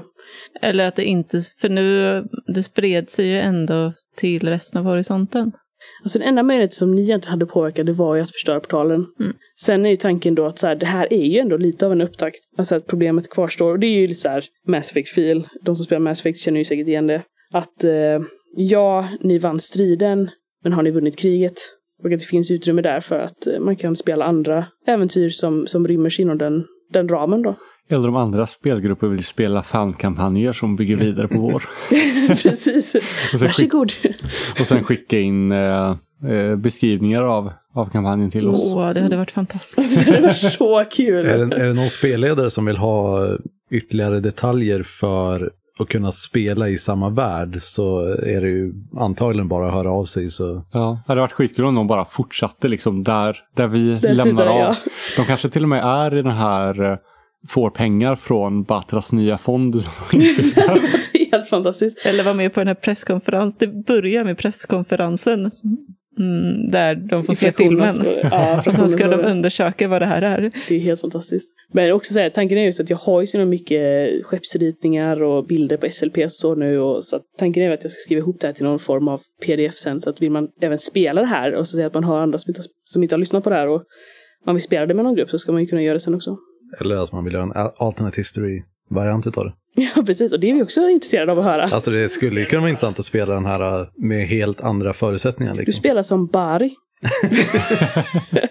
Du måste försöka hitta de här jävlarna som har nyckeln till Ayabis och utpressa dem för att ta reda på hur du kommer dit. Ska vi gå vidare? Ja. Nu har vi egentligen bara en kommentar kvar, men den är ganska lång. Den kommer ifrån Robert. Jaha, ja, men då, då kan vi avsluta nu och så går vi hem. Ja, men det var trevligt det här. Tack så mycket. Ja.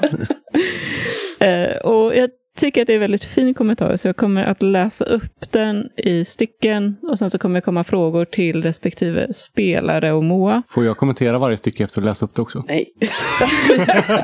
det är du som har bråttom. Ja. Men jag har också en beef med Robert. Jag vet inte vilket som... Eh, Vi tycker väldigt mycket om Robert ska sägas. Mm. Alla utom Kristoffer tycker väldigt mycket om Robert. Eh, I vilket fall, vi kör igång. Hej Svartviken. Samt kanske även Kristoffer. Som sagt. Först vill jag tacka för en fantastisk krönika. De två sista avsnitten avnjöts back-to-back och jag tror att det hittills har varit det mest episka och stämningsfulla avslutet jag hört i poddsammanhang. Jag har redan berömt Moa för den fantastiska avslutningen, men vill också tillskriva Christer, Anna och Shai en stor dos av beröm för att den blev så bra. Och ja, även förstås Shais sidekick som spelades av Kristoffer. Jag är lite nyfiken på att höra ett par saker. Christer, jag älskade den kyla som du i slutändan levererade med Isterback och skapade intriger och spänningar i gruppen, vilket ledde upp till bankandet på dörren utanför cockpiten. Hur långt var du villig att gå för att spela på de inre röster som Moa gav dig? Fanns gränsen du inte var beredd att korsa?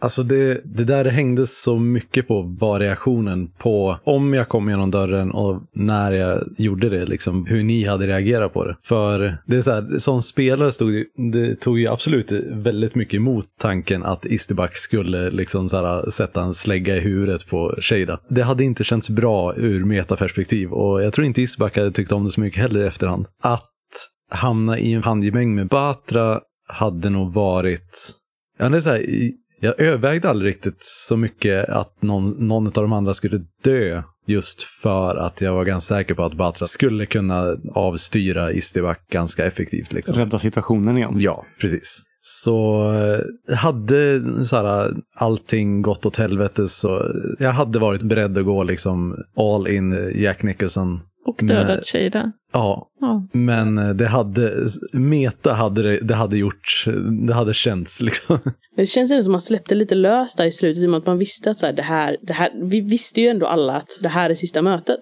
Mm. Det kändes ändå som att alla lite så här let loose. Då, här kommer det intressant att läsa för att eh, Robert riktar sig till mig. Anna, fantastiskt journalistporträtt. Och det var onekligen det klister som höll ihop gruppen. Jag är nyfiken på hur det kändes att ständigt få medla mellan Istibak och Batra. Hur kändes det för karaktärerna versus dig som spelare? Emellanåt så var det väldigt roligt att få medla. Det är ju ändå någonting som jag jobbar med och tycker är väldigt kul. Emellanåt så var det ganska tjatigt att medla och framförallt så kändes det väl för mig som spelare att det ibland kunde bli lite för likt mig själv i hur jag blir när folk är arga. Eh, på så sätt att jag går in i en väldigt, väldigt medlande roll och nu ska alla vara vänner till en grad så att jag nästan spydde på mig själv i det här fallet. Men samtidigt så var det också väldigt intressant faktiskt. Jag hade gärna någon gång, hade varit intressant att se om Isterback eller Batra hade behövt medla mot Sheira istället. Eh, men eh, så kom vi inte i det här fallet. Jag tyckte att det var väldigt befriande de gånger som Sheira inte medlade faktiskt. Så man tappade greppet lite. Kristoffer, hur kändes det att spela en outsider i besättningen? Att ständigt få utstå spe från kapten? Att utpressat av Shai och till och med få positionen lätt hotad då den gamla mekanikern dök upp i berättelsen? Alltså jag verkar ha något, någon undermedveten dragningskraft mot outsiders. Det kan ha börjat när jag läste H.P. Lovecrafts novell The Outsider första gången. Jag vet inte. Alltså, jag hamnar alltid i en situation där jag, jag tycker det intressantaste i en karaktär är ofta där den går stick i stäv med sin situation och sin kontext. I det här fallet är det, hon passar inte in i liksom den adelsfamilj som hon är uppväxt inom. Så hon tvingas fly därifrån och hamnar i en ny situation där hon både är ny och inte riktigt passar in. Och att det, liksom, det upprepar sig om och om igen det här. Att hon känner att hon passar inte in liksom. När det kommer till att ta spe från Isterback så tycker jag det var kul. Batra är en karaktär som är rätt långt från mig som jag är. Och det var kul att behöva tänka igenom hur, inte jag, utan Batra reagerar när folk sätter press på henne. Liksom. Eh, och Shai kan ju gå och dö. Mm. Moa, återigen, en fantastisk berättelse. Jag är nyfiken på hur du la upp berättelsen. Hade du allt klart i början eller hittade du på allt eftersom? Kan inte du berätta lite om din process att skapa äventyr? Vi pratar ganska mycket om det här off i Svartviken, men jag, jag är ju sån här som föredrar att ha liksom, en relativt tydlig ram för äventyret. Att säga att det här är eh, det som äventyret kommer handla om. Det här är eh, krafterna som rör sig liksom i bakgrunden eh, och de rör sig relativt oberoende av rollpersonerna. Eh, till exempel som i det här fallet då att här har vi, eh, vi har det här portalsystemet. Vi har lite olika alltså, aktörer, Bari Vardas, eh, Eli Gal. Vi har de här, den rasen skapade av portalbyggarna. Eh, som, som alla agerar liksom och kommer agera på ett visst sätt. Lite oberoende av rollpersonerna. Men att rollpersonerna ändå kan liksom påverka till viss del då. Att man liksom dyker in i den här som säga, smältdegen av agendor. Så att säga egentligen. Så att ganska mycket var färdigt och i, grund och botten är det väl egentligen ett ganska så eh, linjärt äventyr. Eh, men eh, det blev också, alltså jag tycker ändå att man som spelare ska ge utrymme för rollpersonernas och spelarnas val. Till exempel som att Shai fick ju en väldigt stor roll, skrevs ju in liksom i narrativet. Och också till exempel ja, det här med visionerna från mörkret och hela den här liksom paranoian. Det hade, vi inte, det hade jag inte gjort om inte Christer hade skapat en karaktär som bjöd in till det. Samma med att, att Batra valde att spela mystiker, det spelar också roll. Eh, och att, eh, ja, alltså, ni dödade av Barry Vardas. Det är ju bara liksom att adapt, så att säga. Men mycket var ju liksom redan på plats, att det, det finns de här platserna, de har den här informationen. Ni jagar hela tiden efter nästa bit som pekar framåt. Ja, då avslutar Robert så här. Återigen, stort tack för en mycket trevlig berättelse som jag för övrigt gärna skulle se en fortsättning på någon gång i framtiden. Den episka avslutningen med rådsamlingen känns som en fantastisk grund för en ny kampanj. Vänligen Robert Jonsson, hashtag Team Shy. PS. När får vi se en sexy slash fick mellan Batra och Shy? Det undrar jag med! När Robert ska de- skriver dem. När ska de göra det? Jag tror att vi lämnar det till Robert. Jag är ju nästan lite såhär, man hade ju velat utlysa så här tävling liksom. Bästa slash fick får tärningar. Please. right. Ja, det var alla frågor vi fått in och lite till. Är det någonting mer som ni undrar över här i rummet? Jag skulle bara vilja göra lite, lite shout-out till en eh, grej som jag tyckte väldigt mycket om med, här, med kampanjen. Men som egentligen är, så här, det är, en, det är en pytte, pytte liten del. Det är mest bara flavor. Men jag älskade sättet som Istiback samlade på sig skräp som hamnade i alla rum. eh, och att det liksom blev en så här en grej liksom att ni inte ens, ni hade inte ens en mess, ni hade er mess liksom nere i lastutrymmet, typ i ett så här ledsamt triangelkök typ. så jag vill bara så här, för mig som SL var det väldigt kul och det gav en väldigt tydlig bild av vad prioriteringarna var ombord Kara. Också att den hette Karda. Alltså Ja. det måste jag säga, att det, det betyder ju, vad är det, typ skräp? Skräp, skräphög. Skräphög. Har för mig. Eh, Ja, något sånt. skräp. Jag vet att när vi skapade Karda så använde vi Google Translate eh, för att hitta liksom ungefär skräp eller skit på arabiska. Mm. Eh, Jag tycker bara det, det satte liksom tonen för det här skeppet och besättningen och vad som var prioriterat ombord där. Eh, och det uppskattade jag som SL. Det, jag önskar att vi hade spelat, att, att, eh, att det hade kommit in i spel mer, eller så här, Ja, i vi- beskrivningar mer och så. Att vi hade nämnt det liksom Mm. varje gång vi är på skeppet. Så. Så de sparkar undan vi- skräp och Ja. sånt där liksom. Och sen får vi inte glömma att tacka Alexander Bergil som gjort vår, eh, vår musik. Ja, Mm. verkligen. Både introt och en hel del av musiken som används i avsnitten är ju Alex som har gjort. Och det är ju helt fantastisk musik att ha både, det är ju både vår standard intro, outro och eh, Coriolis-varianten. Eh, och Ja, alla stämningsmusik däremellan. Ja, Inte alla. nej jag har Nej. gjort, skrivit några stycken Precis. också. Så jag tycker att vi ska tacka Kristoffer också. Ja, precis. En eh, round of applause till Kristoffer och Alex. Och Och så han- till Moa då för all grafik då. ja, Ja, precis. Eh, och Alex kommer ju fortsätta göra musik för oss så länge vi betalar honom. I alla fall. Eh, så vi kommer höra fler fantastiska musikstycken av honom i framtiden. Ja, nu blir det ju, om vi blickar framåt så blir det någonting, eh, det blir ju någonting helt annat nu faktiskt. Nu går vi över, nu tar ju Christer över eh, tyglarna lite. Och vi går från en ganska så åldrad crew till en absolut inte så åldrad crew i eh, nästa. Så att, eh, det får ni, eh, får ni gärna hänga med på. Men jag kan glädja er att jag kommer spela en outsider. Ja, det? Vi, har, vi har två stycken, från att det här släpps, så har vi två stycken one-shots. Och sen kommer vi förhoppningsvis börja släppa den nya serien. Tanken är att släppa nya serien i slutet av augusti, precis i början av september. Nej, vi eh, vi kanske eh, Jo, så här. Eh, det, det jag klipper är, jag blev fyra avsnitt, inte tre. Så eh, så är vi inne i september redan. Ja, Okej, Sen- men början av hösten i alla fall. Sen måste Och- vi börja spela in nya kampanjer också.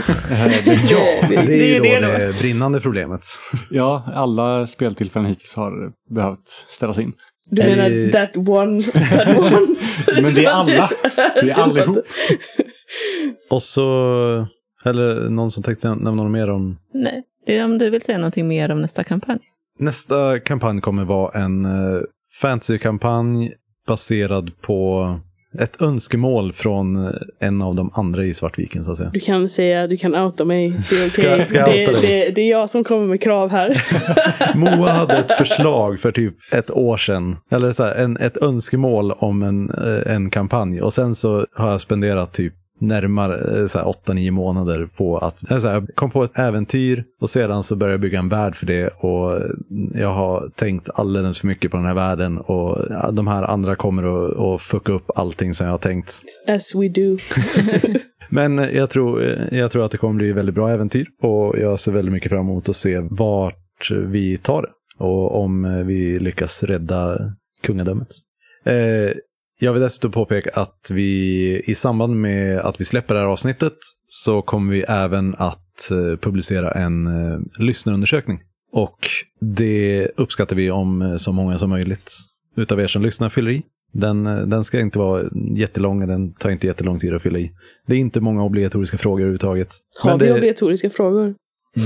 Ja, jag tror ålder är obligatorisk. Eller något liknande. Men eh, vi vill gärna veta vilka det är som lyssnar på oss och varför ni lyssnar på oss. Och vad, vi, vad ni önskar att vi eh, fokuserade på i framtiden. Även om vi inte lovar att vi kommer göra någonting som vi inte tycker är roligt. För det är därför vi gör den här podden. men eh, det är nog min push för eh, lyssnarundersökningen. Så. Och med det så tackar vi för oss. Vi vill uppmuntra alla som eh, vill och tycker om oss att gå in på Facebook och iTunes och andra ställen där man kan recensera oss och eh, klicka i så många stjärnor som ni tycker att vi är värda. Eh, ju fler stjärnor desto gladare blir vi. Ju färre stjärnor desto större chans att Shai överlever. Säg inte så. du vet att vi har folk som är team Shai där ute. men Robert har redan röstat, hör ja, för mig. Så. Vi har också sett att det finns folk som följer oss på Facebook men inte har gillat oss. Fy. Eh, det är mest likes som gills. och eh, eh, Coriolis är, är skrivet och eh, utgett av Fria Ligan. Musiken är gjord av Alexander Bergil. Tack för oss.